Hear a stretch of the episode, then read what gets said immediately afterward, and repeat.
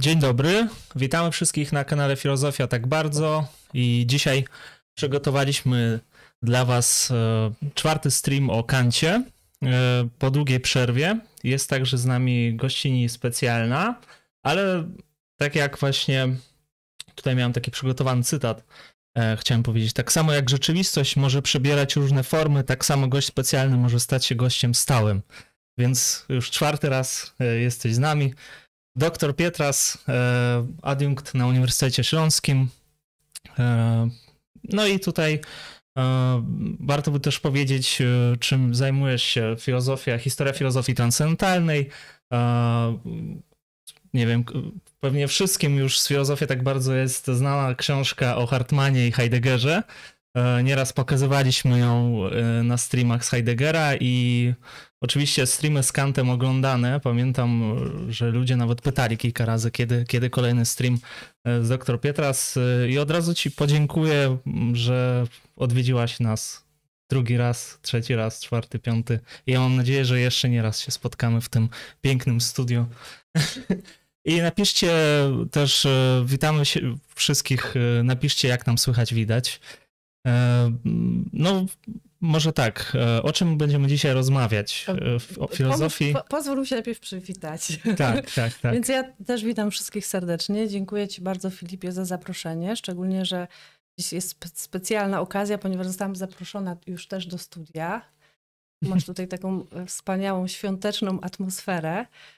E i cóż, no więc dziękuję za to zaproszenie. Dziękuję. Aha, i jeszcze chciałam też powiedzieć na sam początek, taką prywatę sobie tu pozwolę wprowadzić, że bardzo serdecznie dziękuję także mojemu synowi, który uratował mnie, ponieważ e, jadąc do studia zapomniałam ze, ze sobą zabrać notatek, a on zrobił mi zdjęcia tych notatek i wysłał i w ostatniej chwili zdążyliśmy je wydrukować, więc dziękuję bardzo Szymonowi. Powiedział, że będzie oglądał, więc może już zaczął. Chociaż Dobrze. tak szybko ludzie nie zaczynają nas oglądać, dopiero powinno minąć tak z 5-10 minut. Obejrzyj tak, sobie obejrzy. później to. Powinien obejrzeć. E, o czym będziemy mówić? No będziemy mówić dzisiaj o, tak mi się wydaje, o filozofii praktycznej Kanta. Pamiętam, że jak rozważaliśmy zrobienie kolejnego streamu, to powiedziałeś, że zrobimy stream, który będzie zatytułowany Etyka Kanta, wprowadzenie do etyki Kanta. E, a ja wtedy zaprotestowałam i powiedziałam, że to się musi nazywać wprowadzenie do filozofii praktycznej Kanta, nie etyki, co w zasadzie można było powiedzieć, że z tym samym, ale jest pewna jakaś taka tradycja, tak, u, u dzielenia u Kanta filozofii na filozofię teoretyczną i praktyczną. I to, czemu chciałabym, żebyśmy się dzisiaj przyjrzeli, czy też o co mnie poprosiłeś, to jest właśnie filozofia praktyczna Kanta. No i tego będzie dotyczył ten stream. Ja mam nadzieję, że to nie będzie wykład, mam, mam nadzieję na, na, na dyskusję, na pytania. Będzie interakcja. Tak. Ostatnio ludzie narzekali, że nie było interakcji na streamie o ekonomii.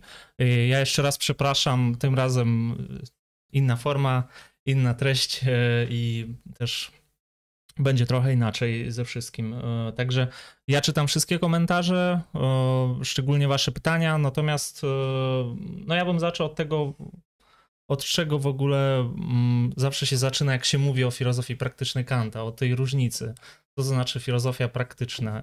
To znaczy, że się jakoś da, da się ją jakoś zastosować, tak? No nie, no właśnie na samym początku trzeba tutaj y, wytłumaczyć, że przez filozofię praktyczną nie rozumie się praktycznego wykorzystania filozofii, w tym sensie, jako chodziłoby o to, że mamy jakąś filozofię teoretyczną, czyli jakąś wiedzę o świecie i teraz chcemy ją wykorzystać praktycznie, tak, do jakichś tam swoich celów. To tutaj e, trzeba wyraźnie powiedzieć, że e, chodzi troszeczkę o coś innego. A nie wiem, czy możemy posłużyć się slajdem, tak, tak żeby, tak, to, żeby to podeprzeć, co mówię, e, takim rozróżnieniem. No właśnie, to, to rozróżnienie, które tutaj teraz Państwo widzą, pochodzi, znaczy to, to jest przeze mnie przygotowany wykres na podstawie pierwszego wprowadzenia do krytyki władzy sądzenia. Dlaczego krytyka władzy sądzenia? No bo to jest właśnie ta trzecia krytyka kantowska, w której on próbuje pokazać, jaka jest relacja między filozofią praktyczną a teoretyczną. E, więc w związku z tym tutaj też przedstawia, jak to wygląda. Widzimy, że tutaj wyraźnie filozofia teoretyczna zostaje rozróżniona od praktycznej i Kant y, właśnie w tym wprowadzeniu na samym początku, ja sobie nawet wzięłam, pisze o tym, że że panuje, że może panować pewien zamęt, tak, w tym właśnie rozróżnieniu filozofii teoretycznej i praktycznej. I pisze tak, jak sobie tylko pozwolę fragment przeczytać. Mhm. Sądzono, iż można zaliczyć do filozofii praktycznej sztukę mądrego rządzenia i gospodarkę, prawidła gospodarowania domowego, jak również prawidła towarzyskiego obcowania, przepisy zdrowotne i dietetyczne dotyczące tak duszy, jak i ciała, i tak dalej, i tak dalej. No i właśnie trzeba na samym początku od razu wyjaśnić. To może kilka osób e, stwierdzi, że w takim razie nie chce dalej oglądać tego streama, bo jego to nie interesuje, że tutaj absolutnie nie chodzi o wykorzystanie naszej wiedzy teoretycznej na temat e, świata, czyli faktów tak, dotyczących rzeczywistości, do naszej praktyki, do jakichś naszych praktycznych e, działań. Tak jak widać na tym wykresie, właśnie Kant mówi, że to, y, co nazywamy naukami stosowanymi, czyli właśnie y, nie wiem, na przykład techniką, tak, technologią, która korzysta z pewnej wiedzy teoretycznej, to należy uznać y, za element jeszcze filozofii teoretycznej, czyli wykorzystania naszej wiedzy na temat przyrody, praw przyrody do naszej codziennej praktyki, tak, na przykład społecznej, czy jakiejś właśnie związanej wiem, z gospodarką, Natomiast y, wyraźnie od tego należy odróżnić filozofię praktyczną. Filozofia praktyczna to jest po prostu filozofia moralności. Tak? No i znowu, czy to jest etyka? No w zasadzie to jest etyka, ale to jest filozofia moralności. I tu to, co jest istotne, że w, że w filozofii Kanta filozofia praktyczna będzie miała zawierać tylko i wyłącznie zasady czyste, a prioryczne i nie może zawierać żadnych zasad empirycznych. I w związku z tym właśnie nie jest tym samym, co ta część praktyczna filozofii teoretycznej. Zjaśniali. Ale tam używa słowa etyka, nie? Mm. W jakimś sensie. Przynajmniej słowo etyczność pojawia się po polsku. To jest taka kwestia tłumaczenia. Etycznym, w tak, takim sensie wartościującym. Tak, tak, słowo etyczne się pojawia. Um, co, może przejdziemy dalej. Będziemy to krok po kroku wyjaśniali. Mhm. I przede wszystkim, o czym będziemy dzisiaj mówić, jakbyś mógł drugi slajd wrzucić, to e, można powiedzieć, że filozofia krytyczna Kanta, e, przepraszam, filozofia e, praktyczna Kanta zawarta jest w trzech książkach pisanych przez niego, tak? Czyli mm, właśnie ugruntowania lub tłumaczenia polskie, uzasadnieniu metafizyki moralności, w krytyce praktycznego rozumu i w metafizyce moralności. E, I to jest właśnie wyraźnie związane z tym rozróżnieniem kantowskim na rozum teoretyczny i praktyczny, który pokazuje następny slajd, gdzie e, rozum teoretyczny odnosi się do naszego poznawania przyrody. Jest to sfera tego, jak jest, tak? Zadaniem rozumu teoretycznego jest poznać rzeczywistość taką, jak jest, opisać ją. Natomiast rozum praktyczny czyli sfera filozofii praktycznej, inaczej filozofii moralności, zajmuje się sferą działania. Czyli tym próbą opisu tego, jak powinno być, czy w zasadzie e, według Kanta tego, czego chciałby, e, chciałaby dobra wola, czy właśnie rozum praktyczny. Więc jest to sfera postulatów, tak? Nie jest to sfera żadnej faktyczności. Więc w związku z tym ta kantowska etyka, ona od samego początku tam będzie jak nie, niedozwolone wysnuwanie czy uzasadnianie jakichkolwiek postulatów etycznych czy moralnych w, oparciu o opis tego na przykład jaka jest natura człowieka, czy jaki jest człowiek, czy jaki jest świat. Czyli my musimy y, odpowiedzieć na pytanie, jak powinniśmy postępować, zupełnie, no właśnie, uzasadnienie tego musi być zupełnie inne.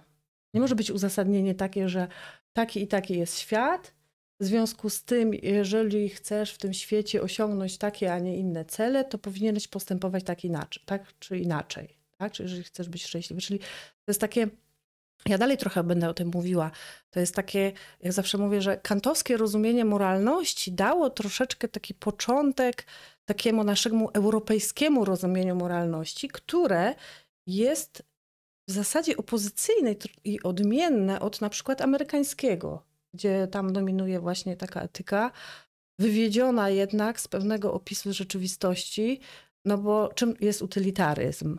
Etyka skutków, tak? A Natomiast w przeciwieństwie do tej amerykańskiej mamy etykę intencji. O ile tak można podzielić cywilizacyjne, chociaż nie wydaje mi się, dlatego że przynajmniej ten pragmatyzm został taką dominującą etyką w ogóle w społeczeństwie zachodnim. No to jest właśnie dobre pytanie. To znaczy, chodzi o to, że my dzisiaj obserwujemy bardzo silny wpływ myślenia właśnie te, tego amerykańskiego na europejskie i, i cały ten pragmatyzm, to bym tutaj właśnie opatrywała, że on nie ma właśnie swoich źródeł w filozofii europejskiej. Też oczywiście nie mówię, że, że nie można odnaleźć być może też jakichś takich myślicieli gdzieś w historii filozofii, ale raczej to jest wyraźny wpływ właśnie, mm, czy taka po prostu amerykanizacja, tak? Znaczy, że właśnie takie rozumienie moralności u nas jednak jest chyba bardziej właśnie takie. Nie chcę też tutaj wybiegać, bo za mhm. chwilkę mhm. będziemy sobie po kolei to wszystko omawiali, natomiast chodzi o to, że to rozróżnienie na filozofię teoretyczną i praktyczną jest wyraźne. Tutaj oczywiście, jak widzimy sobie, mm, już nie, nie, nie masz tego slajdu, no ale to, że e, nie można mm, na temat tego, jak, co powinno być, tak, wnioskować w oparciu o to, co jest, no to oczywiście to nie, to nie Kant tak, sformułował, sformułował taki wniosek. wniosek. To jest coś oczywistego. No nie wiem, no dzisiaj jak się o tym mówi, to najczęściej wszyscy się powołują, chyba zdaje się na, Mo, na Mora, tak? Na Mura i tak. na y, zasadę błędu naturalistycznego. No ale to już wcześniej w, w historii filozofii się, się pojawiało. Tak, tak, to się zaczyna od gilotyny Huma. Pewnie by się dało doszukać jeszcze wcześniej. Może ktoś przeprowadził takie badania, podejrzewam, bo zawsze się da doszukać wcześniej jakiejś teorii, czy, czy w zalążku na przykład pragmatyzmu da się doszukać nawet u Platona. Um, no i co jest tutaj ważne, bo te, to jest rzecz, która jest często powtarzana i ja myślę, że jeszcze raz warto przywołać, czym jest błąd naturalistyczny i dlaczego Kant go unika.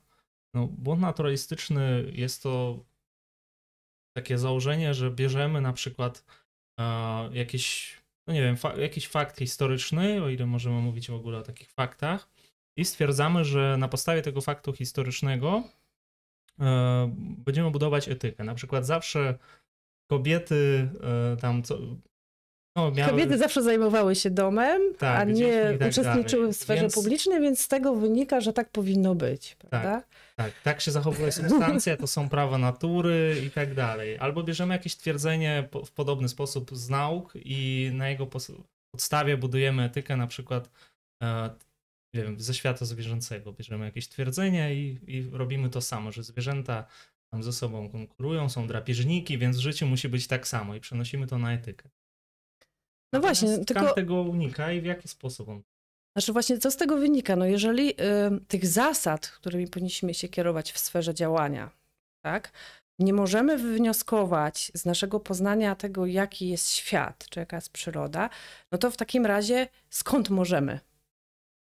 To, co jest bardzo ważne u Kanta i czego, czego mm, może czasami się nie rozumie, że Kantowi zawsze tak naprawdę nie chodzi um, o pytanie o źródło pewnych norm. Co bardziej chodzi o pytanie o uzasadnienie. Tak? Ta różnica między, między porządkiem, znaczy źródłem, czyli genezą, tak? a uzasadnieniem pewnych rzeczy jest tak tutaj bardzo istotna zawsze u Kanta i Kanta i w neokantyzmie, także i w ogóle w całej tej tradycji filozofii transcendentalnej.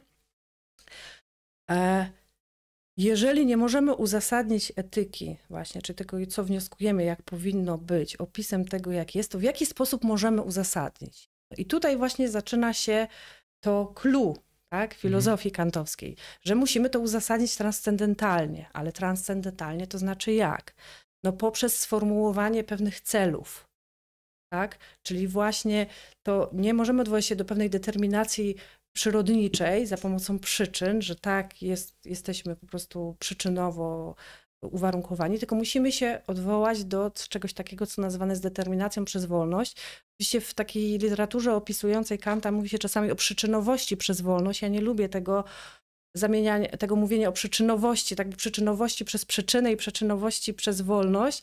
Wolę raczej mówić o determinacji przez przyczynowe i determinacji przez wolność, ale tak naprawdę jak się przeanalizuje Kanta i tak później całą tradycję neokantowską, później postneokantowską i neoneokantowską, tak nawiązując do, do waszych, we, e, waszych memów z filozofia tak bardzo, nie robimy memów. to e, to e, okazuje się, że ta determinacja przez wolność jest determinacją teleologiczną, czyli przez ustanawianie sobie pewnych celów.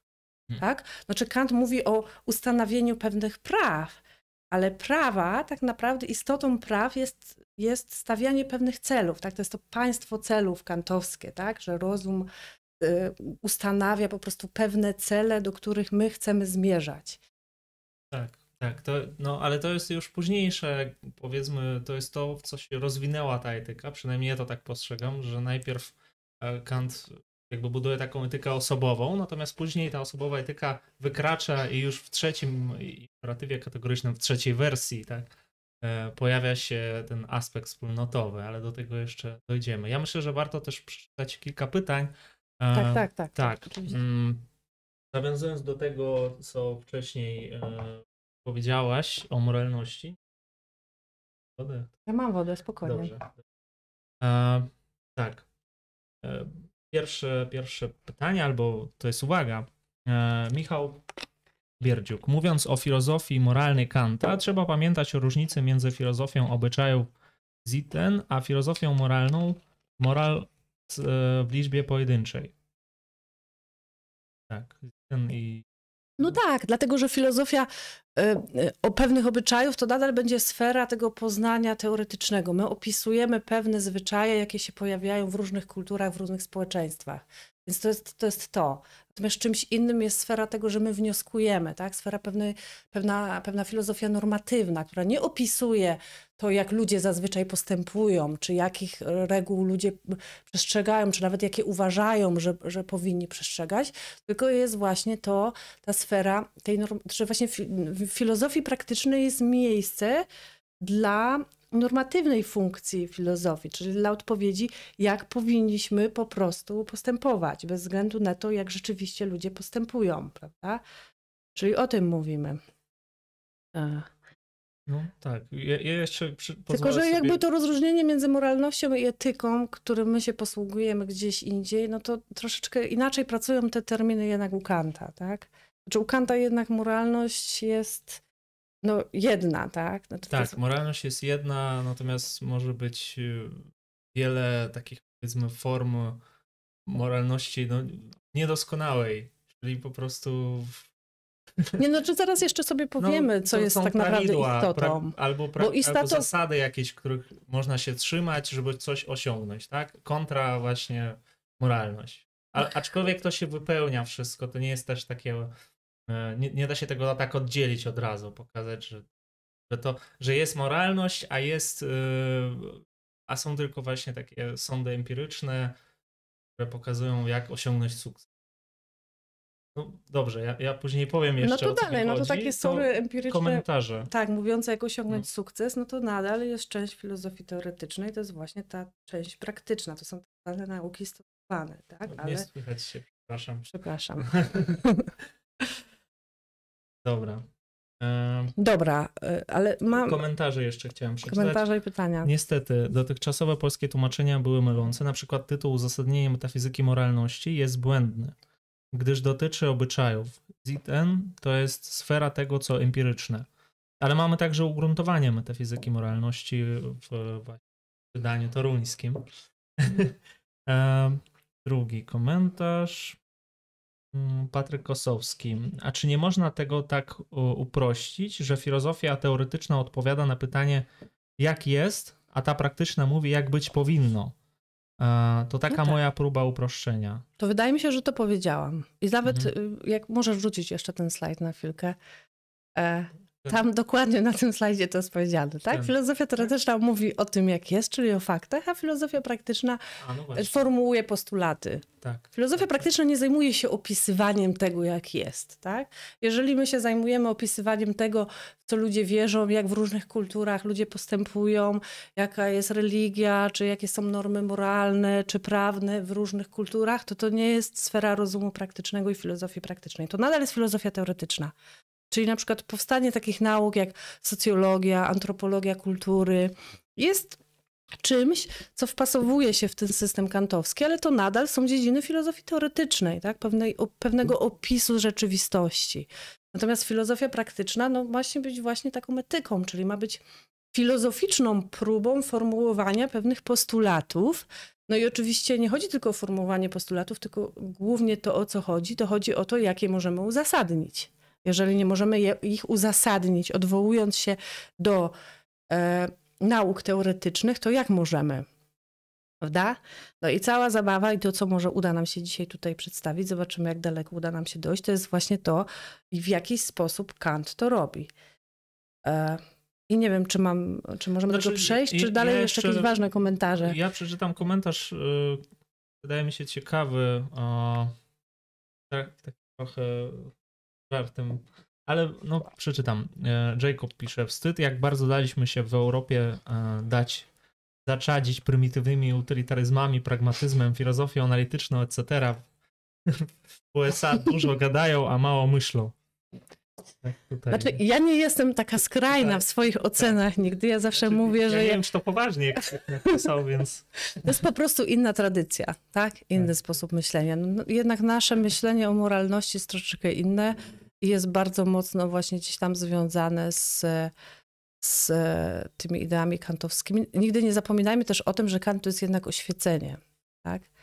Ja wiem, że my jesteśmy w Polsce, ale tak generalnie w Europie to gdzieś to tam te idee te oświeceniowe jakoś tam wpłynęły bardzo na kształt mhm. tego. Tak, no bo czymś innym jest profesjonalna filozofia, tak? Ja zawsze o tym mówię, a czymś innym jest pewne takie podstawowe, światopoglądowe założenia, które tkwią gdzieś tam w myśleniu ludzi tak? którzy ludzie nawet sobie ich nie uświadamiają. Że kiedy my mówimy, wiem, no to, miałam o tym mówić później, ale w sumie możemy zmienić również, możemy zmienić również kolejność i możemy powiedzieć o tym w zasadzie, w jaki sposób Kant rozumie moralność, tak? Czy, no, do czy, czego zmierzamy? Tak? Ja znaczy, myślę, że możemy powiedzieć od tak? razu. Tak? No tak. dobra, no to tylko ja zastanawiam się, czy mamy na ten temat... O, dobra, to jakbyś mógł wrzucić, tam jest taki slajd dotyczący Aha. moralności w Kanta. Ten? Nie, następny. następny. Jeszcze, o ten, właśnie. Dobra. No już zaczęliśmy o tej, mówić o tej różnicy pomiędzy właśnie takim, taką etyką amerykańską a europejską. To pojawia się pytanie o to, co decyduje o tym, że czyn zostaje przez Kanta uznany za czyn moralny, a nie jakiś inny. I żeby to wytłumaczyć, to najłatwiej odwołać się do takiego kantowskiego rozróżnienia pomiędzy działaniem moralnym i działaniem legalnym. E, jakie są w ogóle możliwe kryteria oceny czynów w etyce? No możemy oceniać czyn, tak? Czy uznamy go za moralnie dobry lub moralnie zły na podstawie motywu, na podstawie samej treści czynu albo na podstawie konsekwencji. To jest oczywiście już takie najprostsze, już jest naprawdę e, takie bardzo duże uproszczenie, dlatego że kiedy popatrzeć na, na to, co robią dzisiaj nauki empiryczne, tak jak socjologia, psychologia czy psychologia społeczna, to tam się jeszcze rozróżnia intencję od motywu, ale nie jest nam to tutaj aż tak bardzo potrzebne. Etyka kantowska jest wyraźnie etyką, która, e, którą interesują motywy działania ludzi tak? a nie sama treść czy konsekwencje. Natomiast etyka właśnie tak zwana konsekwencjalistyczna, na przykład utylitaryzm, czyli etyka amerykańska, jest wyraźnie etyką, którą interesują przede wszystkim konsekwencje. Że my chcemy rozstrzygnąć, czy, czy dany czyn jest etycznie dobry czy zły na podstawie analizy konsekwencji. Tak? Wszystkie te zabawy takie właśnie paradoks wagonika i tak dalej, dotyczące tego, no właśnie, czy w ogóle może, my możemy w ogóle jakoś tam obliczać, tak? te konsekwencje i decydować, że czyn, który prowadzi do, do gorszych konsekwencji jest zły niż czyn, który, prowadzi do, do dobrych. To jest jedna sprawa. I ja absolutnie od razu to zaznaczam. Wcale nie mówię, że zwracanie uwagi na konsekwencje przy ocenie czynu nie jest istotne. Natomiast mówię, że jednak w tej naszej tradycji europejskiej przyjęło się, że najważniejsza jest ocena motywu, to znaczy dlaczego ktoś coś robi. I teraz, jeżeli Kant odróżnia działanie moralne od działania legalnego, to chodzi mu o to, że działanie legalne to jest działanie po prostu zgodne z pewną normą. Czyli ono, o, o, ono ocenia treść czynu. Czy treść czynu zgodna jest z normą, czy nie. Przykładowo mamy prawo, które mówi, że w terenie zabudowanym można jechać 50 km na godzinę. Tak? I teraz, jeżeli kierowca jedzie z taką prędkością, no to można powiedzieć, że postępuje zgodnie z normą. Tak? Natomiast, e, no właśnie, co jest istotne dla Kanta, to że e, dla Kanta y, nie możemy jeszcze odpowiedzieć na pytanie, czy on postępuje moralnie, tylko na zasadzie takiej, że uznamy, że działa zgodnie z normą, tylko musimy jeszcze wiedzieć, jaka jest jego motywacja. Znaczy, dlaczego on jedzie 50 km na godzinę w terenie zabudowanym? Czy dlatego, że taka jest zasada, i on szanuje tą zasadę, uważa, że z tej zasady wynika jego obowiązek i on teraz postępuje zgodnie z tym obowiązkiem, czy z jakichś różnych innych pobudek, na przykład takich, że obawia się, że gdzieś za rogiem będzie stała policja i wlepi mu mandat, albo, co wyraźnie widać, czym rzeczywiście kierują się polscy kierowcy, było przed chwilką oznaczenie, że za chwilkę będzie fotoradar. Prawda? Bo jestem też kierowcą i widzę to. Myślałem, że teraz powiesz o ostatnim tutaj wypadku. Tusk jechał. Za szybko, tak? Nie, nie, nie, nie powiem. Dobrze, Chyba tak. nawet nie jestem w temacie. Dobrze. No i teraz jak się obserwuje, obserwuje zachowanie Polsków kierowców na drodze, to, to wyraźnie to jest raczej, raczej działanie, które nie wynika z, z szacunku dla reguł, ponieważ no, ja zawsze mówię, że w Polsce obowiązuje właśnie jak na tym poziomie opisu rzeczywistości taka reguła plus 20. Hmm. Tak? Znaczy ktoś, kto jest kierowcą, to teraz wie, o czym ja mówię. Tak? że jak jest 50, to można jechać 70, jak jest 70, to tak, można jechać tak, 90 tak. i tak dalej, prawda? Tak. Natomiast kiedy wiadomo jest znak, że będzie fotoradar, nagle wszyscy jadą nawet jeszcze wolniej, bo myślą, że zaraz będzie. I teraz z punktu widzenia kantowskiego postrzegania moralności, to nie jest działanie moralne, tylko legalne. Tak? Czyli ten motyw, dlaczego? Dlatego, że boję się kary, boję się mandatu. Nie dlatego, że mam szacunek do prawa. Mhm. Czyli no, ja bym posłużył się moim ulubionym przykładem z ugruntowania metafizyki moralności, niech będzie. Mm, Kant mówi o kupcu, tak, który sprzedaje jakieś towary, natomiast sprzedaje je powiedzmy tam u niego konkretnie było w centrum miasta gdzieś i o, sprzedaje w centrum miasta według jakiejś jednej ustalonej ceny, chociaż tą cenę mógłby zmienić, mógłby ją podbić. Natomiast robi to według jednej ceny. I moglibyśmy powiedzieć, y, mówi Kant, że robi tak z jakiegoś powiedzmy prawa moralnego, ale tak nie jest. E, jest to nasze złudzenie, natomiast robi to dlatego, żeby później do niego więcej ludzi przyszło i on jeszcze więcej zarobi na tym, bo jest centrum i tanio sprzedaje coś. I tak to mniej więcej działa. I dlatego jest tak ciężko w ogóle odróżnić e, czasami to stosowanie prawa moralnego od takiego swojego uh, imperatywu hipotetycznego. No tak, no to jest właśnie e, jedna ze słabości troszeczkę tej koncepcji moralności Kanta, że z perspektywy trzeciej osoby tak naprawdę nigdy do końca my nie możemy rozstrzygnąć tego, jak, jaka, był, jaka była prawdziwa motywacja działania tej osoby. Tak naprawdę tylko konkretna jednostka jest w stanie rozstrzygnąć to. Znaczy, ja mogę czuć, tak? Ja mam sumienie i ja mogę czuć, czy ja postępuję moralnie, czy nie, bo wiem, jaką motywacją się kieruję. Natomiast z zewnątrz jest to oczywiście bardzo trudne.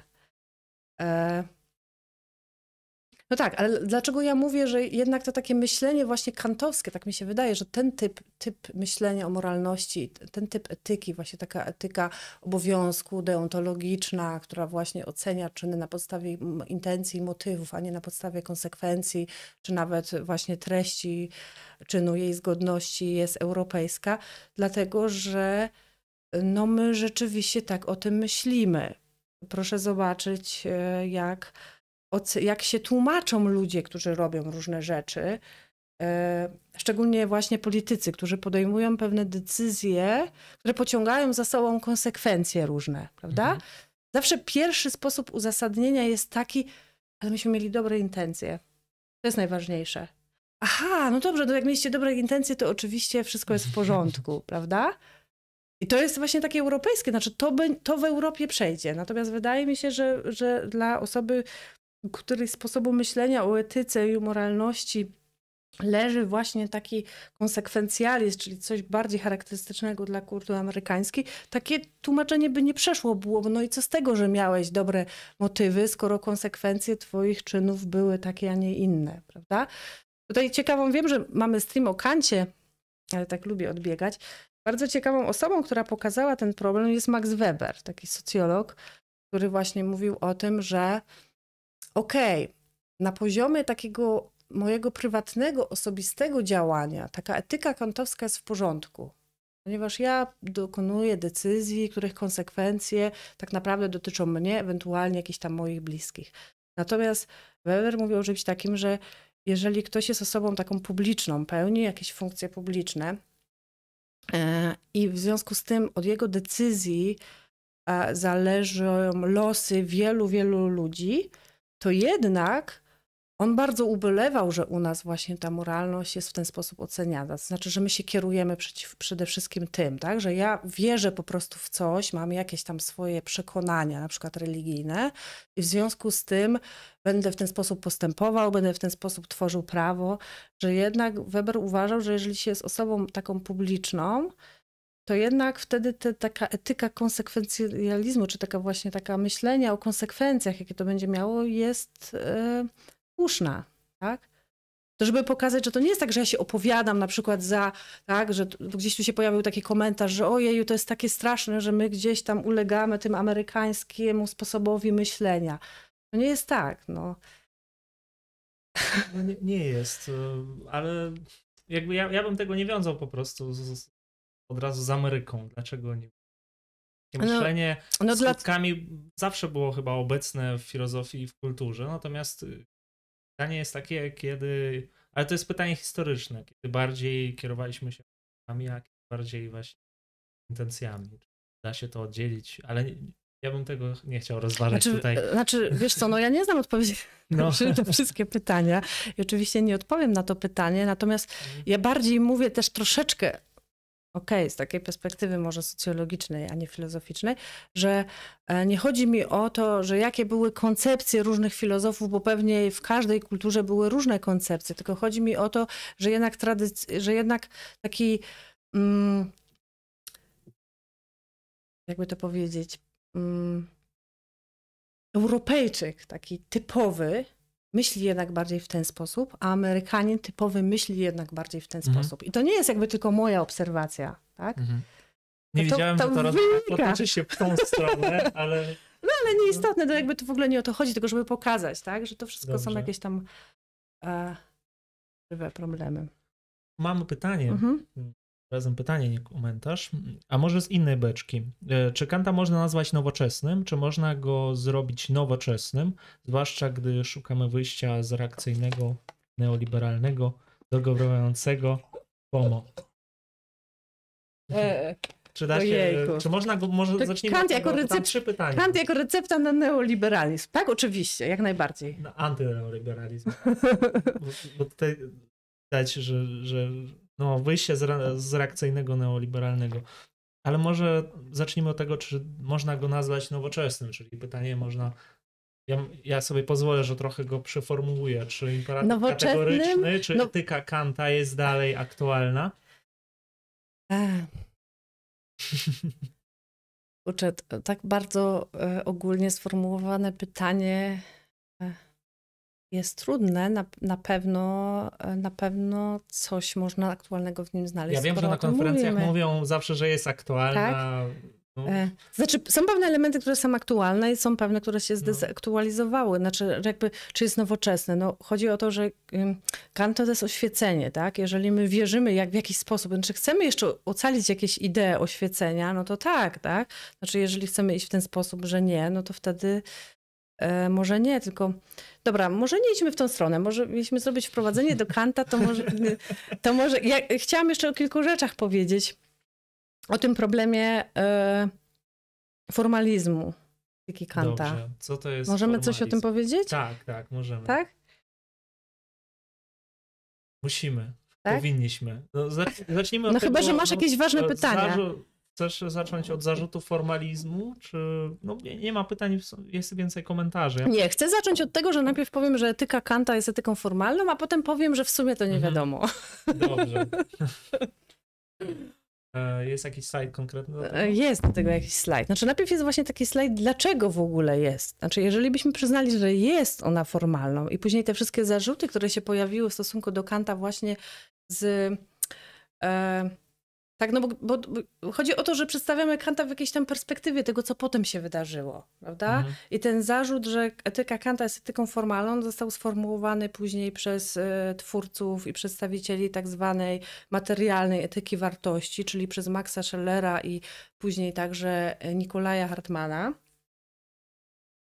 E, ale potem oczywiście gdzieś tam się dalej rozwijała ten myśl i ta interpretacja Kanta dalej się pojawiała, więc może potem kilka słów o tym, że jeżeli nawet sam Kant myślał, że to jest etyka formalna, może do końca tak nie jest, ale dlaczego w ogóle etyka Kanta miałaby być etyką formalną? No i to gdzieś tam wynika, jest taki slajd, jakbyś poszukał, to jest chyba trzeci, czwarty slajd.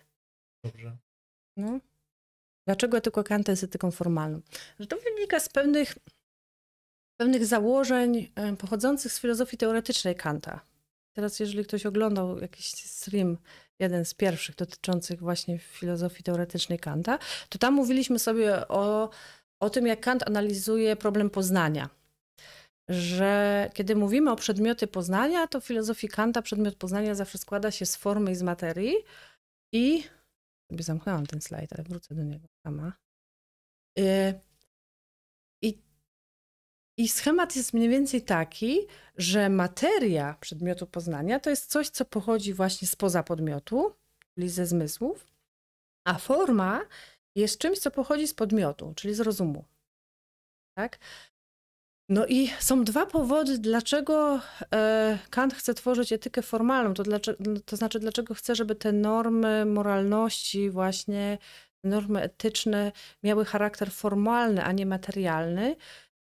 Są dwa tego powody. Pierwsze są takie, że Kant chce, e, i za chwilkę sobie o tym powiemy, żeby ta sfera moralności to była taka sfera autonomii rozumu ludzkiego.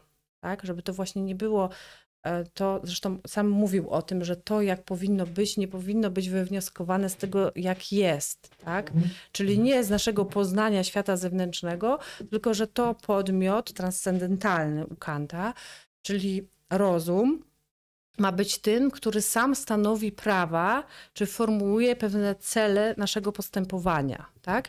I żeby zachowywać tą autonomię rozumu, no to my nie możemy odwoływać się do właśnie do pewnej, pewnych e, rzeczy poznanych z zewnątrz, tak? z tego, jaki świat jest, tylko musimy sami tworzyć jakieś te postulaty. Żeby ta autonomia rozumu była zachowana, to w związku z tym ta, te, to prawo moralne musi być takim prawem formalnym, ponieważ było materialnym, to musiałoby już wynikać z poznania jakiejś materii, a materia jest czymś zewnętrznym w stosunku do podmiotu, tak? pochodzi spoza podmiotu, ze zmysłów i wtedy mielibyśmy do czynienia z heteronomią rozumu, tak?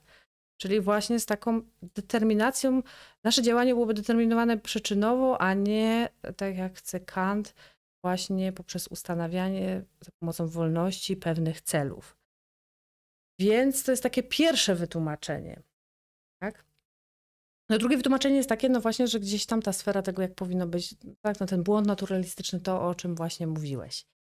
Więc to jest to uzasadnienie. Natomiast pojawia się pytanie, czy rzeczywiście ta etyka Kanta jest etyką formalną. No bo może się wydawać, że rzeczywiście tak jest. No bo mamy imperatyw kategoryczny Kanta, tak? który jest taką naczelną zasadą etyki. No i kiedy sobie przejdziemy do sformułowania e, tego imperatywu, no to takim e, sformułowań oczywiście jest wiele, ale takim najbardziej podstawowym, najbardziej rozpowszechnionym jest ten, który mówi e, postępuj według takiej maksymy, dzięki której możesz chcieć, żeby zarazem stała się prawem powszechnym. Tak? No na razie zatrzymajmy się na tym. Proszę zobaczyć, że ten imperatyw nie mówi, nie daje nam tak naprawdę żadnej treści. Że on nie mówi, że na przykład rób tak albo rób tak. W ogóle nie rozstrzyga. Nie, nie. Tam nie ma. To w ogóle jak pierwszy raz ktoś się spotyka z tym, to nie wie o jaką tu maksymę chodzi, bo to, to jest ważne, a to jest taka zasada metaetyczna. Wybieramy sobie maksymę, no, taki klasyczny przykład, nie kłam, nie oszukuj. E, I sprawdzamy, czy tą maksymę e, można zastosować do wszystkich. Inaczej mówiąc, polskim może ona zostać prawem powszechnym albo prawem przyrody. No to jako metafora. Mhm. Czy może to być zastosowane do wszystkich? Czyli w tym przykładzie, który podawałem z kupcem, e, kupiec musiałby się zastanowić, czy faktycznie to jego postępowanie zgodne z jakimiś jego trasami, powiedzmy, handlu, czy to by było fajne, gdyby wszyscy tak postępowali, czy to by było fajne, gdyby chcieli nieskończoność yy, zarabiać powiedzmy nieuczciwie, yy, oszukując w ten sposób ludzi, czy da się tak żyć, no i, i, i tak dalej. Podajemy dowolne, bierzemy dowolną maksymę i możemy ją w ten sposób oceniać. Więc tutaj imperatyw kategoryczny też jest taką formułą, którą można zawsze stosować, yy, oceniając w ogóle różne sądy i w ten sposób możemy je wartościować. Tak nie uważasz? Yy, no tak, tylko właśnie e, chodzi mi, chodziło mi o to, żeby pokazać, tak, że ta reguła, tak naprawdę, że jakby jeżeli się przedstawia osobom, które w ogóle nie znają za bardzo filozofii, tej historii filozofii i Kanta, imperatyw kategoryczny, to na początku jest oczywiście takie, och, to jest takie oczywiste, ale potem jest, ale w zasadzie co z tego wynika, tak? No nie ma tam żadnej treści, to jest reguła formalna. Znaczy możesz przyjąć jakąkolwiek regułę, treść reguły, treść maksymy może być jakakolwiek. Może być treść zabijaj albo nie zabijaj, kradnij, nie kradnij. Pod warunkiem, że możesz się zgodzić, żeby to było prawem powszechnym. Tak? Czyli chcesz, żeby takie prawo po prostu obowiązywało.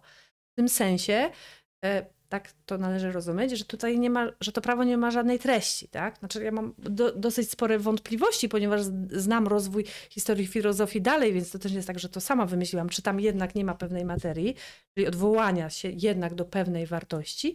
I tutaj w zasadzie powinniśmy wrócić do tego i powiedzieć, na czym polega ta różnica między tą filozofią formalną i materialną, tak? Tak, tak.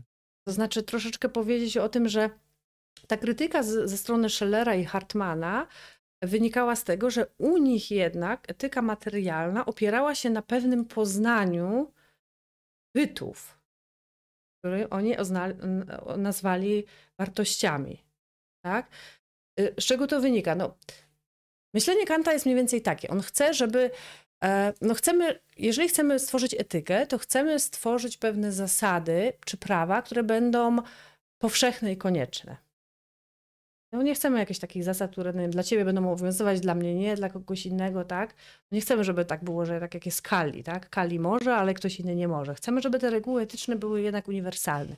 No i Kant myśli, to jest pewne założenie teoretyczne, które przyjmuje Kant w swojej filozofii teoretycznej, które być może jest błędne, jak pokazuje później dalsza historia. Że ogólne i konieczne jest u Kanta to, co pochodzi e, od podmiotu i to są właśnie te, to co jest a priori i u Kanta to co jest a priori jest zawsze formalne. Ponieważ później przychodzi Husserl ze swoją fenomenologią i opisuje coś takiego jak materialne a priori, z tego bardzo mocno czerpie Scheller i Hartmann, to oni pokazują, że jednak jest możliwe poznanie takie właśnie a prioryczne, a nie za pomocą doświadczenia empirycznego, czegoś, co jest właśnie materialne. No i tam się pojawia cała ta koncepcja wartości, że istnieją pewne jakieś obiektywne, ogólne, obowiązujące wartości i my w jakiś sposób możemy je poznać. I jeżeli my możemy je poznać, to my wtedy jednak możemy z opisu tego, że są jakieś wartości, wnioskować tego, jak powinniśmy postępować. Na gruncie założeń filozofii teoretycznej Kanta to po prostu jest niemożliwe. Więc na tym polega problem. Mhm. W sensie to jest taki zarzut o ahistoryczności? Nie wiem, czy to tak to można nazwać. Nie, no. Nie chodzi Mówisz, tutaj o ahistoryczność. jest niemożliwe. To dlaczego może je tak? Dlaczego jest niemożliwe? No, bo tak jak mówię, no to wynika mhm. z pewnych założeń. Powiem tak, no każdy filozof przyjmuje na, na samym początku pewne założenia, tak? Mhm. No i później z nich coś tam wynika. No i z filozofii Kanta wynika po prostu coś takiego, że jeżeli coś ma być powszechne i konieczne, i coś, to, to, to musi pochodzić od podmiotu i to musi być formalne, tak? Forma e, tego, co poznajemy, pochodzi od podmiotu, a materia, a materia u Kanta zawsze pochodzi z zewnątrz. No nie będziemy teraz tutaj wchodzić w problem intuicji i nauczności kategorialnej, bo kiedyś sobie powiedzieliśmy, że zrobimy stream osobny na ten temat, ale dla Kanta naoczność jest zawsze naocznością empiryczną, czyli materia mhm. zawsze pochodzi z poznania empirycznego. I teraz, a poznanie empiryczne nie może być nigdy uzasadnieniem dla pewnych zasad koniecznych i ogólnych. Tak? No to to jest chyba coś, na co, na co wszyscy się zgodzą, prawda? Ja, ja, jeszcze chcę przeczytać kilka rzeczy. Pojawił, pojawiły się uwagi od e, Michała Bierdzika. W ogóle ja dziękuję za, za te różne uwagi. No, przeczytam. Mm, tak, w, imperatyw, w imperatywie kategorycznym nie chodzi o to, że się go chce, bo jest e, bo są takie fakty, tylko dlatego, że jest ważny a priori i to syntetycznie, no to powiedzieliśmy. Imperatyw kategoryczny jest logiczny tak samo jak aksjomaty matematyczne i w tym sensie jest formalny. Nie jest to jednak żaden zarzut, gdyż Kantowi chodziło o to, żeby był on tylko formalny. E, nie, to nie jest zarzut. Mi chodzi o coś innego. Chodzi mi o to, że jeżeli sobie przeanalizujemy później dalszą historię filozofii, i tutaj powiem już od razu o czym mówię. E, masz, jeszcze, masz, jeszcze, masz jeszcze ten slajd o imperatywie mhm. kategorycznym? Tak, tak, tak. No bo w uzasadnieniu metafizyki moralności Kant, kiedy pisze o imperatywie kategorycznym, to w zasadzie najpierw podaje to pierwsze sformułowanie. Imperatyw kategoryczny, tak? Tak. Najpierw pierwsze to sformułowanie, że to imperatyw kategoryczny głosi postępuj według takiej maksyny, dzięki której możesz chcieć, żeby stała się prawem powszechnym, a potem podaje drugie sformułowanie. I to drugie sformułowanie brzmi: postępuj tak, byś człowieczeństwa, tak w swej osobie, jak, ty, tak, e, jak też w osobie innego, używał zawsze także jako celu, nigdy jako środka. No i teraz moje pytanie brzmi: czy, w te, czy ta reguła, znaczy jak uzasadnić tę regułę, czy ona jednak nie jest oparta na rozpoznaniu pewnej wartości, to znaczy wartości człowieczeństwa? Że Kant jednak rozpoznaje i postuluje, że człowiek, człowieczeństwo jest pewną wartością i w związku z tym my musimy w odpowiedni sposób w stosunku do tego człowieczeństwa drugiej istoty się e, zachowywać. Tak? No i znowu, żeby nie było, że, że, że to jest coś, co gdzieś jakoś tam sama rozpoznałam, ale to wynika z tego, że Mamy takiego filozofa XX-wiecznego, który nazywa się Hans Wagner, który tam określany jest mianem neo-neokantysty, o którym ja kiedyś napisałam tam jakiś artykuł po polsku. Drugi artykuł, który cały czas chyba od dwóch lat czeka na publikację, zatytuł po angielsku Hans, Wagner, Hans Wagner's Transcendental Argument for the Idea of Human Dignity, czyli na polski Hansa Wagnera Transcendentalny Argument Y, za ważnością idei y, ludzkiej godności, gdzie wyraźnie widać, że u podstaw tego drugiego sformułowania imperatywnego leży rozpoznanie wartości, godność człowieka na wartość, pewna materia. Tak? Teraz na czym polega problem? Pro, problem polega na tym, jasne, możemy sobie mówić, że imperatyw kategoryczny jest prawem formalnym, a nie materialnym, tylko cały problem polega na tym, że zarówno u Kanta, już u samego Kanta, ale później wyraźnie to pokazują neokantyści, czyli Windelband i Lask, e, rozróżnienie na materię i formę jest rozróżnieniem refleksyjnym. Znaczy pojęcia materii i formy są pojęciami refleksyjnymi, czyli one to nie jest tak, że materia i forma to jest coś, co, co, co, rzeczywistość sama taka jest, tylko to jest nasz sposób myślenia. W związku z tym to rozróżnienie formy i materii jest pewnym rozróżnieniem relatywnym. E, o co chodzi? Chodzi o to, że jeżeli weźmiemy sobie imperatyw kategoryczny jako jakieś prawo nadrzędne, które ma uzasadniać teraz y, inne prawa bardziej szczegółowe, to on jest pewnym prawem formalnym. Tamte prawa są prawami materialnymi. Ale jeżeli jego rozważamy samego, to możemy rozważyć pewną jego treść. Tak?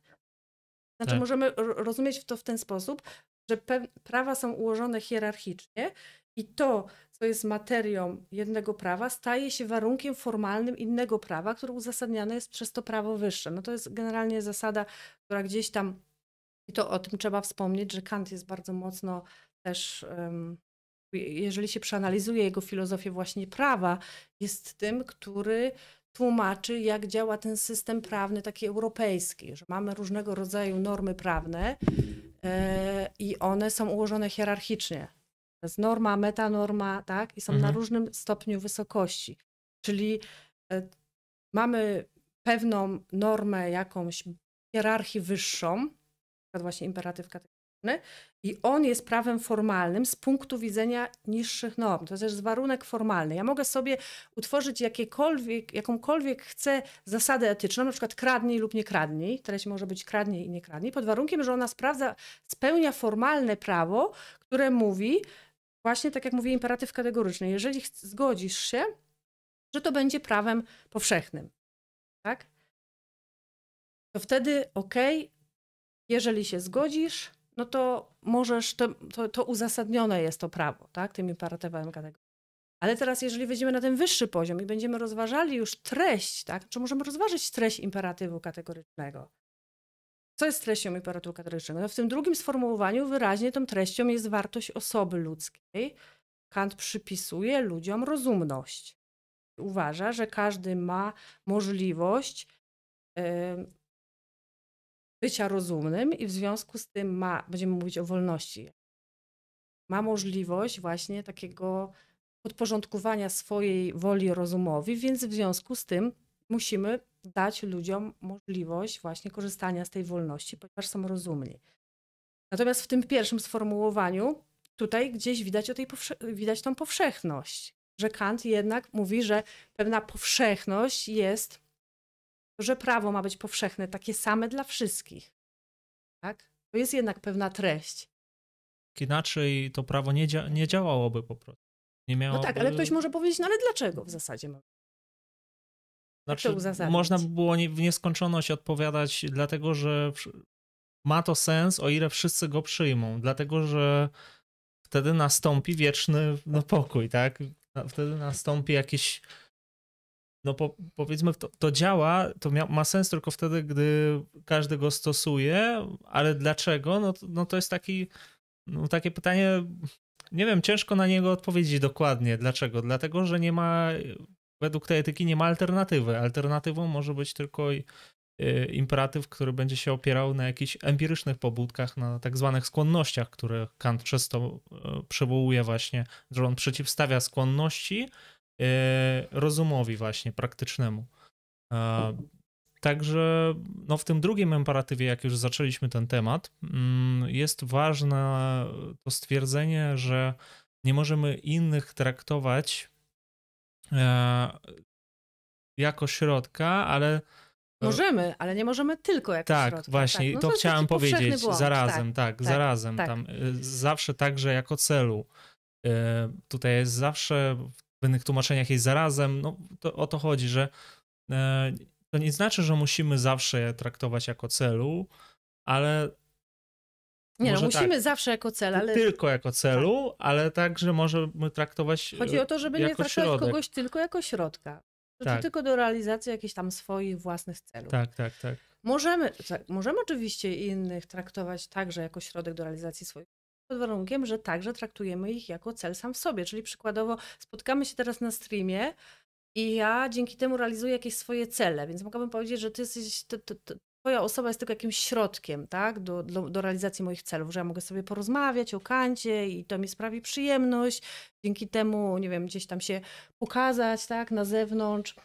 Y, z, z, nie wiem, z moimi rozważaniami filozoficznymi, ale nie, nie traktuje cię tylko jako środka, bo ty też jakieś swoje cele realizujesz dzięki temu, że się tu spotykamy, prawda? Więc jakby nie jest to mm, zarzut żaden, że jesteś dla mnie też środkiem do moich celów, pod warunkiem, że ty też w tym samym czasie realizujesz jakieś swoje cele. Tak? Problem był, polegałby na tym, gdybyś ty nic na tym nie zyskiwał, ja bym cię zmusiła, Filip, musisz to zrobić, bo tak, ja tak, dzięki tak. temu zrealizuję swoje cele. No ale to jest taki powszechny błąd, takie niezrozumienie tych imperatywu kategorycznego Kanta. Tak samo jak innym niezrozumieniem, innym nieporozumieniem jest to, że niektórzy w bardzo prosty sposób upraszczają ten imperatyw kategoryczny i mówią, że on sprowadza się do takiej reguły, że e, e dlaczego postępuj takiej maksymy, wobec której chciałbyś, żeby się stała prawem powszechnym? Traktuj innych tak, jak chcesz, żeby traktowali ciebie. Tak? Czyli nie bądź dla innych niemiły, dlatego że jak będziesz niemiły, to oni też nie będą, to wtedy oni też będą dla ciebie niemili. No to to nie jest kantowskie. Zupełnie. Bo mówiliśmy o tym, że u Kanta ważny jest ten motyw. Znaczy, jeżeli ja coś robię tylko dlatego, że dzięki temu mi będzie lepiej, to nie jest działanie moralne. To nie jest. Ja rozumiem ten zarzut, też go słyszałem trochę bardziej skrajnej formie.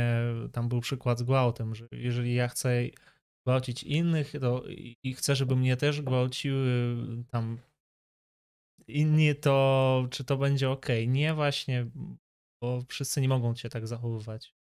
Ten imperatyw ma sens tylko wtedy, gdy jest wspólnotowy. Znaczy nie, no bo odpowiedź na pytanie, dlaczego Kant chce, żeby to było prawem powszechnym, jest bardzo prosta. To znowu jest pewne założenie. I znowu muszę przypomnieć, to jest oświecenie. Znaczy, bardzo ważnym założeniem filozofii kantowskiej, które ktoś może podważyć i w tym momencie jakby zupełnie mhm. rozbić całe, całą argumentację, jest to, że jest jakiś rozum i on jest wspólny i powszechny wszystkim ludziom. Znaczy, że każdy człowiek ma możliwość uczestniczenia jakby w tym samym rozumie. Czyli w zasadzie Kant by uznał, że każdy, jeżeli jeżeli nie kradnie jest jakąś tam normą zgodną z imperatywem, to każdy musiałby po dłuższej lub krótszej dyskusji przyznać, że rzeczywiście to jest zgodne z imperatywem kategorycznym. Tak? Tak, tak, tak, tak, tak. No, no i nie będę tutaj mówić o krytykach, która się pojawiła, na przykład Marquis de Sade, który powiedział, stworzył tak zwany antyimperatyw kategoryczny i powiedział, że no dobrze, ale jeżeli ktoś jest e, masochistą, to wtedy to, to, to on powie, że ponieważ tak, on by chciał, żeby prawem powszechnym było, żeby wszyscy się krzywdzili. To teraz. No, to, to jest dziw, dziwne, dlatego że nie, da, nie dałoby się to na pewno na wszystkich rozszerzyć. W żadnym, ja nie wiem w jakim świecie by się dało. Raz, a dwa, e, że naprawdę czasami jest ciężko znaleźć e, taką maksymę, która by odpowiadała wszystkim. To jest problem. Znaczy nie, no tutaj, czym... tutaj problem jest zupełnie inny. Problem jest nie? taki, że, e, że co to znaczy prawo powszechne, powszechne i konieczne. I to też troszeczkę krytyka Kanta moim zdaniem wynika nie do końca zrozumienia go. Ale jednak ja tam uważam, że jest jakaś wyższość jednak tej z tego względu, że teraz mem, Aniu Maski, ja to nie powiem, e, że jednak no, musimy jednak rozważać te, te zasady w odniesieniu do jakichś konkretnych sytuacji. Tak? Jest jakaś tam norma, na przykład nie kłam, ale są jakieś inne normy. Na przykład e, na to, że. Czekaj, tak? bo nie, nie, nie słychać mnie Nie słychać mnie. No i teraz na tym polega problem, tak? Znaczy, jak to zastosować w konkretnej sytuacji? No bo to jest to, co często zarzucano Kantowi, tak? No jeżeli jest pewna zasada nie kłam, to znaczy, że nigdy nie można kłamać, tak? No to była interpretacja Kanta. Um, czyli jak przychodzą do mnie do domu w czasie II wojny światowej hitlerowcy i pytają się, czy ukrywasz Żydów pod podłogą, no to skoro zastosuje imperatyw kategoryczny Kanta i chce, żeby nie kłamać, bo nie kłamanie jest, jest może być normą, tak, prawem powszechnym, to w takim razie powinien powiedzieć tak, ukrywam Żydów pod podłogą. Tak? Tylko problem polega no. na czymś innym, jest inna norma. Inny mój obowiązek, tak? Chronić życie innych. Tak, rozumiem. To, czyli chodzi o to, że obowiązki nachodzą na siebie, czyli tak. te maksymy, ciężko dopasować wszystkie maksymy. Na przykład maksyma nie zabijaj, nie kłam i, i jeszcze, jeszcze tak. jakaś inna maksyma, no mogą wchodzić ta, z sobą w, Konflikt. Tak, czy tej ogólności i konieczności nie należy rozumieć w ten sposób, tak, że po prostu jest zawsze jedna maksyma, tak? Tylko mogą być różne, no bo mhm. można byłoby to obronić i powiedzieć tak. No dobrze, to czy chcesz, żeby prawem powszechnym było to, że jeżeli ukrywasz kogoś, kogo wiadomo, że jak go wydasz, to on straci życie, to powinieneś powiedzieć prawdę i go wydać, czy jednak powinieneś skłamać i go nie wydać? No i już wszystko. Wtedy masz, mamy odpowiedź na to pytanie. To w jakiś sposób tam chroni to. To też, żeby nie było tak, że ja jakoś jestem e, strasznym zwolennikiem etyki kantowskiej, bo tak jak mówię, ja jestem bardziej zwolennikiem etyki hartmanowskiej, która jednak jest materialną etyką wartości, no ale to troszeczkę z innych e, względów. Ja myślę, że do tego wrócimy przy kolejnym streamie.